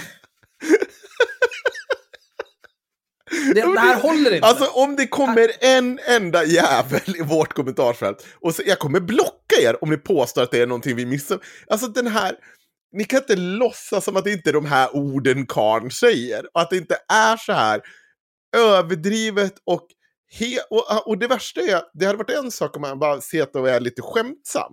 Men han försöker ju exemplifiera det till viss del också. Och styrka sina, te, sina teser med olika typer av anekdotisk bevisföring om påhet, påhittade Lisa, 25, som ringer honom stup i kvarten och undrar varför hon inte får jobb. Är- du sjuk i huvudet? Karln Karl är ju uppenbart, redan nu han ska ju inte, han ska ju inte gå lös bland människor. Han är sinnessjuk. Ja, han ska sitta på någon ö med sina miljoner och dricka. Liksom, han ska ju inte springa runt i porr. Det är folk som säger, nej, oj, nej, nu kommer Alexander Bard. Då stäng dörren för fan, dra ner Ja, gardinerna. sluta inte den här jävla galningen. Ja, Han skämmer ju bara ut sig. I City of London i England idag är det förbjudet för män över 40 att träffa unga kvinnor. Du är chanslös som ung tjej att göra karriär. Och, Vad det är här här jag sagt hela lögn? tiden. Så Om ni sätter igång ett krig och kriget använder vapen som går ut på att du får påstå vad du vill och du är trovärdig vad du än säger. Utan att du har några fakta, utan att du har någon teknisk bevisföring. Vad du än påstår om en snubbe så är du trovärdig bara för du är tjej. Men det tragiska är ju att det här kommer ju samtidigt från en enorm frustration hos kvinnor och tjejer för när det väl händer och när de väl blir våldtagna eller sexuellt trakasserade, att det inte finns, att det även för dem är en svårighet att få till en bevisning. Men det är det värsta av alltihop. Ja, men det är därför det blir så ja, men, dubbelt ja, men, ja, men liksom. blir du våldtagen idag så tror ju ingen längre på det. För alla vet om att när våldtäktsdomarna haglar överallt, de flesta killarna är säkert oskyldiga. Det handlar helt enkelt bara om karriärer och flytta fram. vad var de flesta killarna sa du? Oskyldiga. Ja. Och det här är ju bara, det här är ju tjejerna som har skapat det här själva. Men- De men om man ju vänder på det här då? Till höger och vänster. Det, det, haglar ju fler nedlagda polisanmälningar om våldtäkt Ja. än fällande domar. Mm. Men Borde de inte det då med Alexanders logik betyda att de Nej, flesta kvinnor talar sanning? nej, nej, de flesta kvinnor ljuger. Mm. Det är vad han säger. Han säger det uttryckligen. Han är sjuk i huvudet. Han är riktigt jävla sjuk i huvudet. Jag vet inte vad det är för människor han pratar... Alltså så här, det har vi tagit upp. Vi har ändå så tagit upp de här tuffa fallen. Lamberts eh, eh, och, och den eh, kvinnan som stod bakom den anmälningen. Det är väl någonting mer vi har varit inne Vi har varit inne på det här med Cissi Wallin och, och så vidare. Men, men inte någonstans. I, liksom så här, det är ju inte, det är ju inte representativt för hur det faktiskt ser ut. Nej. Inte, inte ens ja. Nej, nej. Och... Men det är, väl, det är väl kanske det som är felet, liksom, att det är... Det, det är inte tillräckligt spektakulärt liksom, hur det ser ut i vanliga fall. Nej, och han säger där inledningsvis också att män kan, liksom, det är en dödsdom för dem att bli dömda för våldtäkt. Jag vet ett par stycken här i Avesta som går runt och ser ut att ha det ganska bra. De är dömda för våldtäkt. Verkar inte ha påverkat dem nämnvärt i deras Nej. liv på en stor... Det är klart att under en period av deras liv har det gjort det. Men Mm. de verkar ha det ganska schysst. Lever life. Mm. Jag vet inte. Men det är väl olika det där. sin position, få undan andra människor. Men det gjorde ju metoo också. Nästan alla metoo-fallen i Sverige var en kvinna som upptäckte att om jag påstår han den här mannen så petas han och då får jag hans jobb. Det var ju iskallt vad som hände i Sverige efter 2018. Eh, Även Lotta Bromé råkade ut för det. Hon var ju flata och jobbade på Sveriges Radio. Det är klart att andra kvinnor ville ha hennes jobb och då passade det jättebra att det fanns en kvinna som var metoo-anklagad för absolut ingenting. Det fanns ing För absolut ingenting. Det är märkligt det där. Alla de här lögnarna som bara springer runt och lögnar till höger och vänster, hej och hå. Allt det så ja. Det är så himla märkligt. Ja, jag har, ska hoppa fram nu lite till jag kommer in på kvinnojourer också. Eh, för jag har nämligen ringt lite kvinnojourer under dagen. Tänk alltså att det går att kolla upp statistik och fakta i sådana här frågor. Då ska vi se. Eh, då kör vi vidare på Alexander. Eh, och det här är om kvin eh, kvinnor och hur de jobbar lite med kvinnojourer och lite mer konspirationer om åklagarna. rättighetsbyråkrati som exploderade på 90-talet. Det vill säga kvinnor gjorde själva karriär som feminister. De fick betalt för att vara feminister. Du ska inte tro att vi har några frivilligarbetare på kvinnojourerna längre i Sverige. Alla kvinnor som ställer upp, ställer upp och jobbar på kvinnojourerna får nu betalt. Och jag ringde både Det, till det låter Rox- väldigt osannolikt. Ja, jag ringde både till Rox och Unison. Båda skrattade gott i telefon. Eh, De hade ingen exakt statistik mer än att eh, hans statistik var dragen ur röven på det hela. Ja, Jag alltså kan- för att bevisa honom fel så räcker det ju att det finns en kvinna som inte får betalt. Så Ja. har ju han fel. Men jag skulle gissa att det är väl kanske en kvinna som får betalt. 54 procent av alla kvinnojourer i Sverige är ideellt eh, verksamma. Det betyder inte att du inte får pengar när du jobbar där. Men man ska komma ihåg att det finns ju inga pengar att tjäna i det här. Eh, och det finns säkert eh, en del personer som har lite andra övergripande ansvar som behöver göra mer som får betalt. Och det är väl inget jävla konstigt i det. Men de flesta jobbar ideellt. Han snackar skit så det står härliga till om det. Ja, det Men det är också så här, än en gång, det är bara att utmåla och svartmåla, eller utmåla kvinnor som det så här giriga eh, kapitalister fast som gör det på skattemedel och andras bekostnad. De bara går över lik. Det är, alltså så här, det är ju det här jag säger, man har ju varit så jävla dålig på att förklara Alexander Bard när, han säger, när man säger att men han är ju liksom, det finns ju ett kvinnohat där. Det är klart det gör. Och kvinnohat består ju i hur han målar ut kvinnor. Som liksom bara galna karriärister. Jo, men det är ju liksom som det här exemplet innan. Liksom. Och får inte jag som jag vill, då kommer jag säga att du har våldtagit mig. Va? Det, det här är sociopatbeteende. Ja. Det är liksom inte... Det här är inte någonting som alla gör. Nej. Du är helt galen, Alexander. Vi, vi brukar ju också prata om hur eh, Nina Rung och sådana här människor så här, använder någon typ av våldsporr i din, deras retorik för att eh, komma framåt och få föreläsningar och så vidare. Och det här måste ju vara motsvarigheten. Ja, men alla, alla har ju sin, liksom, sin grej. Ja, Eh, men- Jag kallar folk för horunge. Alexander Bard och makarna Rung ljuger om kvinnor och porr. ja. Men vi kör på. ungefär som de vore socionomer. Fast de är helt outbildade. Eh, det vill säga, ingen vill jobba frivilligt för en annan kvinna. Alla ska ha betalt om man är en kvinna som jobbar för andra kvinnor. Och få betalt för det. Och då får man betalt för att sitta och gegga ihop sig. Och sen bygga vilken story man vill. Och det började på 90-talet med att kvinnor gick till socialtjänsten när det var skilsmässor. Så när skilsmässorna var väldigt röriga så kunde kvinnan gå och påstå att eh, mannen i förhållande hade våldtagit barnen. Och det betraktas som trovärdigt. Och det ledde till mängder av rättegångar där män föll. Till slut så kom man på att men det håller inte att hålla på och döma männen hela tiden för då kan vi inte mjölka upp männen måste ta delad vårdnad med barnen. Och ska kvinnan då ha sin karriär och sitt liv och tvinga mannen att ta på sig delad vårdnad med barnen, då kan ju inte ha mannen satt i fängelse i 20 år. Så då lämnade karriäråklagarna de här fallen och så blir det mer, nej men vi dömer till delad vårdnad, vilket betyder att vi dömer till kvinnans fördel så långt det går, när det gäller pengar och allting annat, men han måste ta hand om ungarna på halva tiden. Där har vi landat idag. Vad som sen händer Alltså, det här är det här är konspirationsteori i klass med förintelsen har inte hänt. Eh, 5G eh, kör upp mikrochips i röven på oss. Alltså det, det här är ju, alltså det är riktigt jävla vansinne han sitter och spottar ur sig. Ja, Där det- skulle du kunna skriva på baken.se. Ja, men det är mycket nu. Ja. Men det, det kommer säkert en massa bevis här nu på slutet karriäråklagarna flyttar över från de här bittra och vidriga skilsmässorna och flyttar istället över till att upptäcka att våldtäkt är ett bra sätt att göra karriär. Eh, det vill säga våldtäkt är ett bra ord för det är så otydligt definierat i svenska språket. Så vi kan helt enkelt säga att allting som enligt våra ögon inte är önskvärt ska vi kalla våldtäkt. Om en våldtäkt kommer fängelsestraff fullt i klass med mord. Det här är ju absolut inte sant. Det enda vi sitter och klagar på är att våldtäktsstraffen är så jävla låga. Det, det är ju liksom enigt från vänster till höger. Är du sjuk? Det här tar vi och reder ut direkt. Eh, minimistraffet för våldtäkt som är mindre grov höjs till fängelse i sex månader. Ja, men vad fan. Straffskala för våldtäkt. Lugna ner dig nu. Ja, men kanske ta snittbestraffning för våldtäkt istället. Nej, men vi kan ju bara ta straffskalan. Det räcker väl? Ja. Vad fan. Varför? Eh, straff, straffskalan för våldtäkt är så fängelse i lägst två år, högst sex år. Ja. Eh, straffet för mord. Ja, snälla. Eh, eh, eh, eh. Varför kan du inte bara skriva lite lätt här? Så jävla jobbiga. Domstol.se, vilka idioter. Och här är en jävla proposition. Alltså, man ska behöva gå till Wikipedia. Att det alltid ska behöva vara så här. Påföljd. Eh, lägst 10 år, högst 18 år eller livstid. Ja. Det är en väldig skillnad på eh, maxstraff 6 år, minimistraff 10 år. Väldigt stor skillnad. Och så får de aldrig sex år. Det är inte det de får. Det är Nej. så jävla sinnessjukt. Det är ja.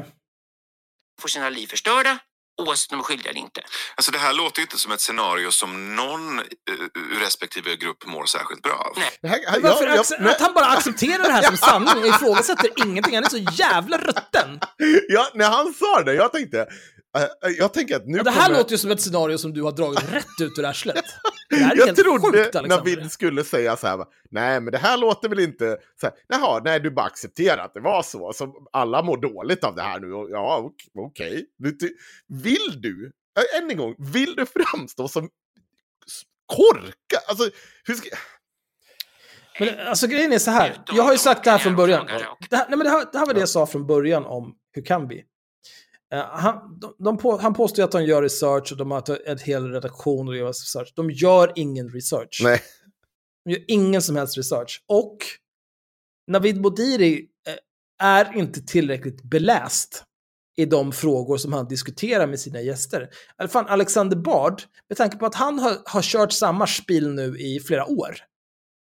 Om jag skulle sitta med Alexander Bard i två timmar och låta honom mala på, då skulle jag innan dess, så skulle jag bara lyssna på alla poddar han har varit med i. Då skulle jag bara skriva ner alla hans talking points. Ja. Och så skulle jag så här, ja, googla, stämmer det här? Stäm- Nej, det stämde inte, här finns en källa på det, hur är det egentligen, så här är det. Och sen så när jag sitter och pratar med honom, så bara, tyvärr Alexander, du har fel. Så här är det. Bara, bara, bara, bara, bara. Och så, men, men, men, nej Alexander, du har fel, så här är det. Och så fortsätter man bara att knulla sönder honom tills det inte finns någonting kvar. Men, det är Men Navid är ju inte intresserad av det. Navid vill ju bara sitta där och vara en spegel och låta Alexander bara prata Fast på jag, i två timmar. han, han, Navid håller ju uppenbart med honom här. det tror jag inte. mycket. Jag tror inte att Navid har en åsikt i det här. Jag, tror han skiter i det. Ja, Han det- vet att så här, ja, han tar med, det är som, eh, alla som, är, som har klippkort hos honom. Mustafa Panshiri, Chang Frick, eh, eller Chang Frick kanske inte har det, men eh, Mustafa Panshiri, eh, vad fan heter han? Han som, idioten som vi pratade om, kemisten, biologen, Ja, Ashkan. men, Ash, ja, ja. Eh, och alla de här jävlarna. Och Alexander Bard. Alla med klippkort där. Han vet ju att de drar publik. ja. Det spelar ingen roll hur många gånger de är där, hur många gånger de kommer dit och säger samma sak som de har sagt åtta miljoner gånger förut. Både hos honom och i andra poddar som är samma sak. De har sitt eget lilla kretslopp av liksom bajspoddar där allt är skit och där alla är idioter. Men någonting har ju brustit pannan på, eh, på Alexander Bard. För det här är ju liksom så här, förut har det ju varit där, metoo, ja, men det är bara folk som snackar lite skit. Så här. Nu går han ju verkligen in och ger en förklaring till allt det här. De här karriärsåklagarna som har tänkt igenom, en gång hade de en annan agenda, nu har de den här agendan. Och sen blir de domare och då är vi fucked för hela generationen. Men han förklarar inte hur domstolen idag kan släppa igenom den här flodvågen av oskyldiga unga män som blir våld, eller som dömda för våldtäkt. Och sitter och svamlar om de här jävla straffen som absolut inte är så här höga. Eh, Det här Nej. är ju som Nej, att han bara har fått, ja, liksom. han fått en hjärnblödning Men det är ju och också bestämt det sig, här, alltså, det- jag ska komma ju- undan med det för jag har gjort det så många gånger förut. Det, det är ju framförallt så här, Alexander Bard är ju en feg råtta. Han Ja. är ju väl medveten om, jag har ju sagt till honom så här hundra gånger, kom hit Alexander, så Mm. reder vi ut det här. Nej, jag vill inte, för det här är inte en neutral arena, det finns ingen moderator. Bippidippidippidippidu. Mm. Fast en moderator, hur kan vi? Finns, har det funnits en moderator, någon av de poddar du har ställt upp i, Alexander, din sopa? Du är bara en rädd jävla råtta för du vet att du stackar skit och du vet att du skulle bli slagen i bitar om du var med i haveristerna. Vi kör på. Politiker som gör karriär på det såklart. Okej, så vi har, vi har egentligen majoriteten av män och kvinnor här, här nere som på något sätt då hu- hunsas mot varandra. Ja. Och sen finns det några som tjänar på, på, den här, på det här kriget. Just så det. det. måste finnas någon som tjänar på det här kriget. Vet du vad jag kommer att tänka på? För du och jag har ju pratat ganska mycket om, eh, om just kopplingen mellan varumärken och, eh, och woke. Alltså hur vissa företag eh, approprierar mänsklighet, Mm. approprierar rättigheter. Det här låter lite liknande. Så här, jag, jag sa det nyss. Jag håller han med. går med på Han det. håller med om det. Ja, han håller med honom Annars hade, han, annars hade han haft en, någon rimligare Ja. fråga, inte en fråga som är en direkt öppen fråga för att Alexander Bard ska fortsätta svamla i sin psykos. Ja, nej, det, det, han går med på att det är så här. Han går med på det fullt ut, ska jag säga. Det är sinnessjukt konstigt att han liksom bara köper det. Men, för vi har ändå så sett och pratat med han och, och det, det är bara för jävla konstigt att det här är en grej. Men det blir konstigare. Enorma skatterna, när skatterna används mot mig. Vi hade ju Josefin Utas här för ett tag sedan. Bless Josefin! Åh, hon Alltså, är fantastisk. det var- Och inte hon ful heller. Men, men, men också så här. jag, jag, jag, du känner ju mig. Jag, jag, bruk, jag brukar förhålla mig oavsett tema och person men ganska sansad i samtalen. Det är, det är inte jätteofta jag Får blir jag säga en sexistisk sak? Får, får jag göra det? Får jag? Om Josefin Utas, Åsa Linderborg, Lena Andersson sitter i ett rum och alla ridstövlar på sig, då tar, Anders, då tar Alexander Bard och ställer en hundskål framför dem. Sätter vi hundskålen. Josefin Det här- Utas, Åsa det här. Linderborg. Det, det här är matriarkatet vi längtar efter. Josefin Utas, Åsa Linderborg och Lena Andersson. De tre kvinnorna, ja, Alltså, supergrymma och din- supersexiga. Hör du hon sitter och Hur är det skrikskrattar här i bakgrunden? Det här är inte roligt. det är så jävla jobbigt. Din sexuella fantasi uppmålad här. Alltså. Ja, Fy då tar jag hundskålen. vackert. För de tre tar jag hundskålen. Lätt kan jag säga det. Oh, wow, Ja, ja, vilken okej. bild. Kan, kan Ja, jag någon där ute snälla teckna den här bilden så vi får se? Speciellt på fredag kan jag säkert gå tillbaka och agera liksom präst på måndagen och ha makt igen. Jag Utöva dominans. Oh, wow, jag kommer aldrig inte kunna se den bilden Ja, framför nej, mig. men jag säger det. Åsa Linderborg, Lena Andersson, Josefin Utas, Alexander jag Bard. Det var som jag sa till Ebba Brattström en gång när hon sa att hon var trött på sexobjekt. Så, men vad ska jag se det som annars då? Kvinnor är sexobjekt för män och rimligtvis i motsatt riktning också. Och andra hållet. Gärna skulle vi inte lyssna på överhuvudtaget. Absolut. Annars skulle vi inte lyssna på varandra överhuvudtaget. Överhuvudtaget. Nej. Absolut. Nej, men de är ju fan idioter båda två. Alltså. Ja, eh, ja, eh, det här var det värsta jag varit med om. Eh, Josefin Utas är för övrigt slöseriombudsman på Skattebetalarnas jag förening. vet. Och det är det... Och en, Ja. en typ manlig, eller en kvinnlig Fredrik Morenius, också civilingenjör och speciell i huvudet. Och medborgerlig samling. Då kör vi den sista lilla pushen. Könskriget. Japp. Och då kommer det förmodligen, dels när lågkonjunkturen kommer, och så kommer det män tycker att, men vad får jag för deal egentligen? Min kvinna drog. Jag får ingen värme, ingen närhet. Den sexuella relationen är förstörd. Jag får inte ligga med andra heller. Horhusen är stängda. Det var ett ganska bra sätt att bli av med karln när karln frustrerad. Förr låt dem gå till horhuset och så behöll man äktenskapet. Nej, nej, horhusen är borta för nu ska vi tvätta bort allt sånt där och sex ska göras fint och gulligt och rent och det ska vara romantiskt och hålla för evigt. Vilket är en total liten prinsessaga som vi lär unga tjejer idag. Gör vi verkligen det? Det tror jag inte vi gör. Världens, alltså vad, vad säger du? Syndens näste, som vi brukar, eller är det inte det Sveriges? Den svenska synden. Ja, alltså, jag, jag synden. tror inte att det är särskilt många kvinnor som växer upp idag och känner att de ska ha liksom, gifta sig vid 18 och leva lyckliga i alla sina dagar. Det där känns ju som den här jävla nassarnas traddfru-fantasier. Ja. Den rätte mannen kommer in genom dörren, han kommer hålla sig, inte se på någon hela sitt liv. Och allting män gör utanför att hålla sin fru resten av sitt liv är våldtäkt. Det är ungefär vad vi lär unga tjejer i Sverige idag. Så det, det är en plump som liksom tjejerna går på. Det kommer ju smälla som tusan från alla håll och kanter när den här bluffen avslöjas. Och den bluffen avslöjas, då är det kvinnor som blir arbetslösa. Männen har dragit, de står själva med ungarna hängande på halsen. Har amorteringar att betala, kan inte betala dem. Jag, jag vågar inte ens tänka på hur vidrigt det kommer vara att vara 40 år gammal för dagens 20-åriga tjejer. Jag dagens 20-åriga tjejer, om 20 år, det som väntar dem då i form av besvikelse, bitterhet och utbrändhet, det är ingenting mot vad deras mammor har gått igenom. Va? Också så här, då står de där med ungar för att mannen tar inte med sig, eller vad? Men var det inte... Var det inte bättre för den tidigare generationen kvinnor som inte höll på och skrek våldtäkt om allt och som kunde skicka... Jag fattar inte. Det är så osammanhängande det här. Ja. Eh, Det, det här kommer alltså från en man som säger, och det här vet vi, vi har ju skrattat åt det förut, att han varit med i varenda politisk rörelse, men han sitter fortfarande och säger det. Han sitter här i ett, i ett helt program, gnäller om könskriget, kallar sig själv i grund och botten en marxist.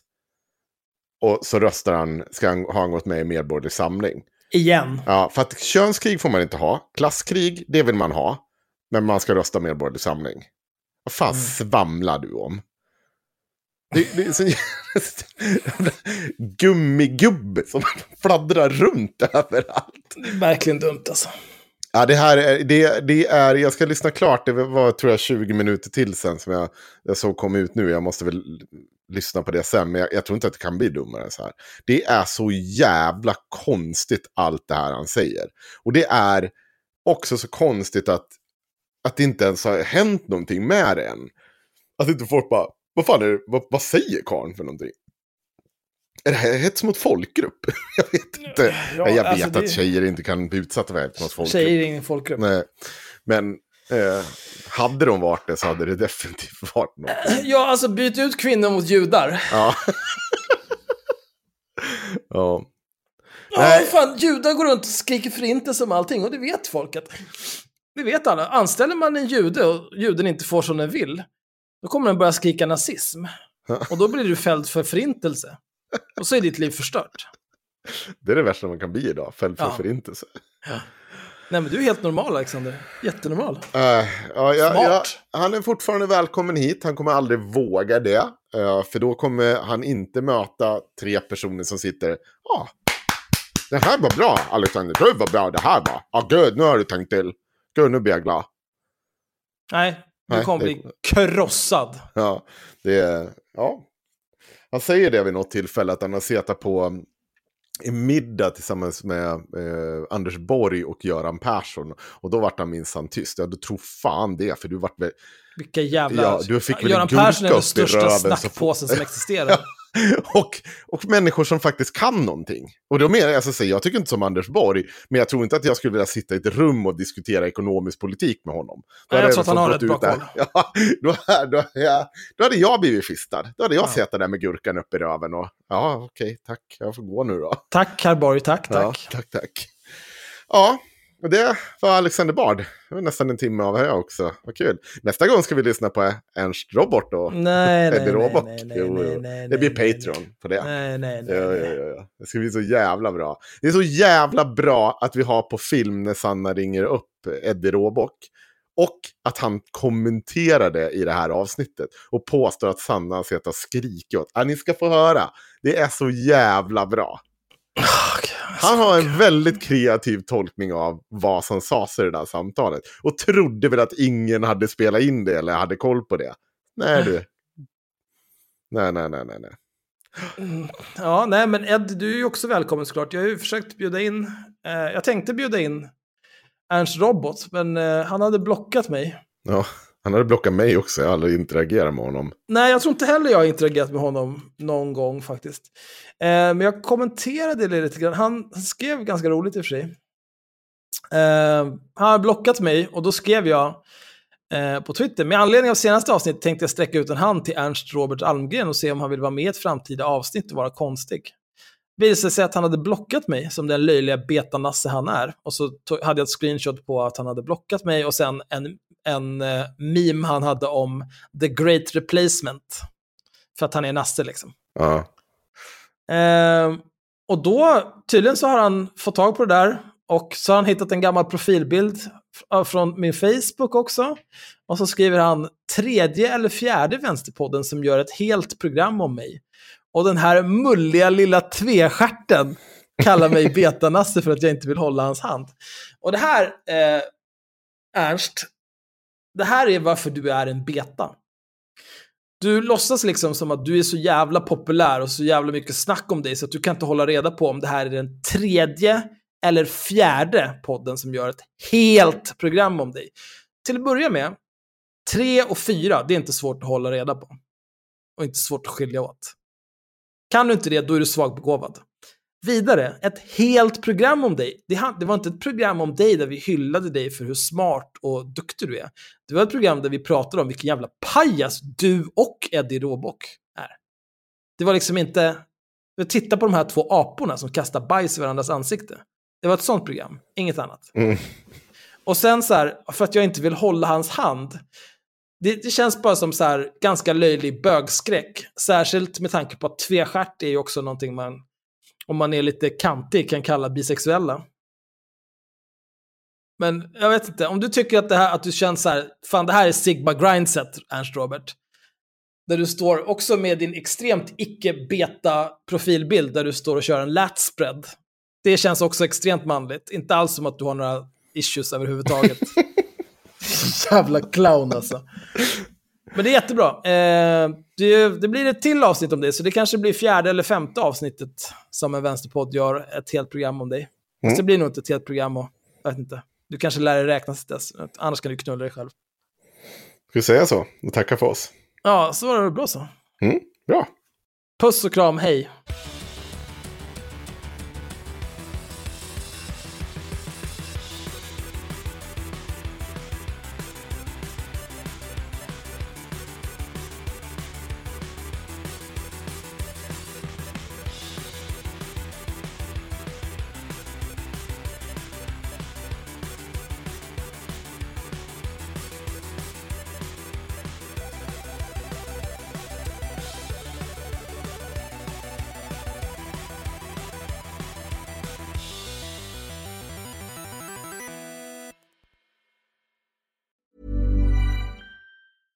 Planning for your next trip? Elevate your travel style with Quince. Quince has all the jet setting essentials you'll want for your next getaway, like European linen, premium luggage options, buttery soft Italian leather bags, and so much more. And it's all priced at 50 to 80% less than similar brands. Plus, Quince only works with factories that use safe and ethical manufacturing practices. Pack your bags with high-quality essentials you'll be wearing for vacations to come with Quince. Go to quince.com slash trip for free shipping and 365-day returns. Planning for your next trip?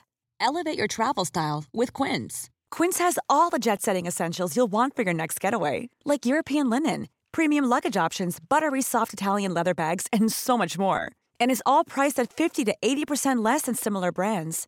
Plus, Quince only works with factories that use safe and ethical manufacturing practices. Pack your bags with high-quality essentials you'll be wearing for vacations to come with Quince. Go to quince.com slash pack for free shipping and 365-day returns.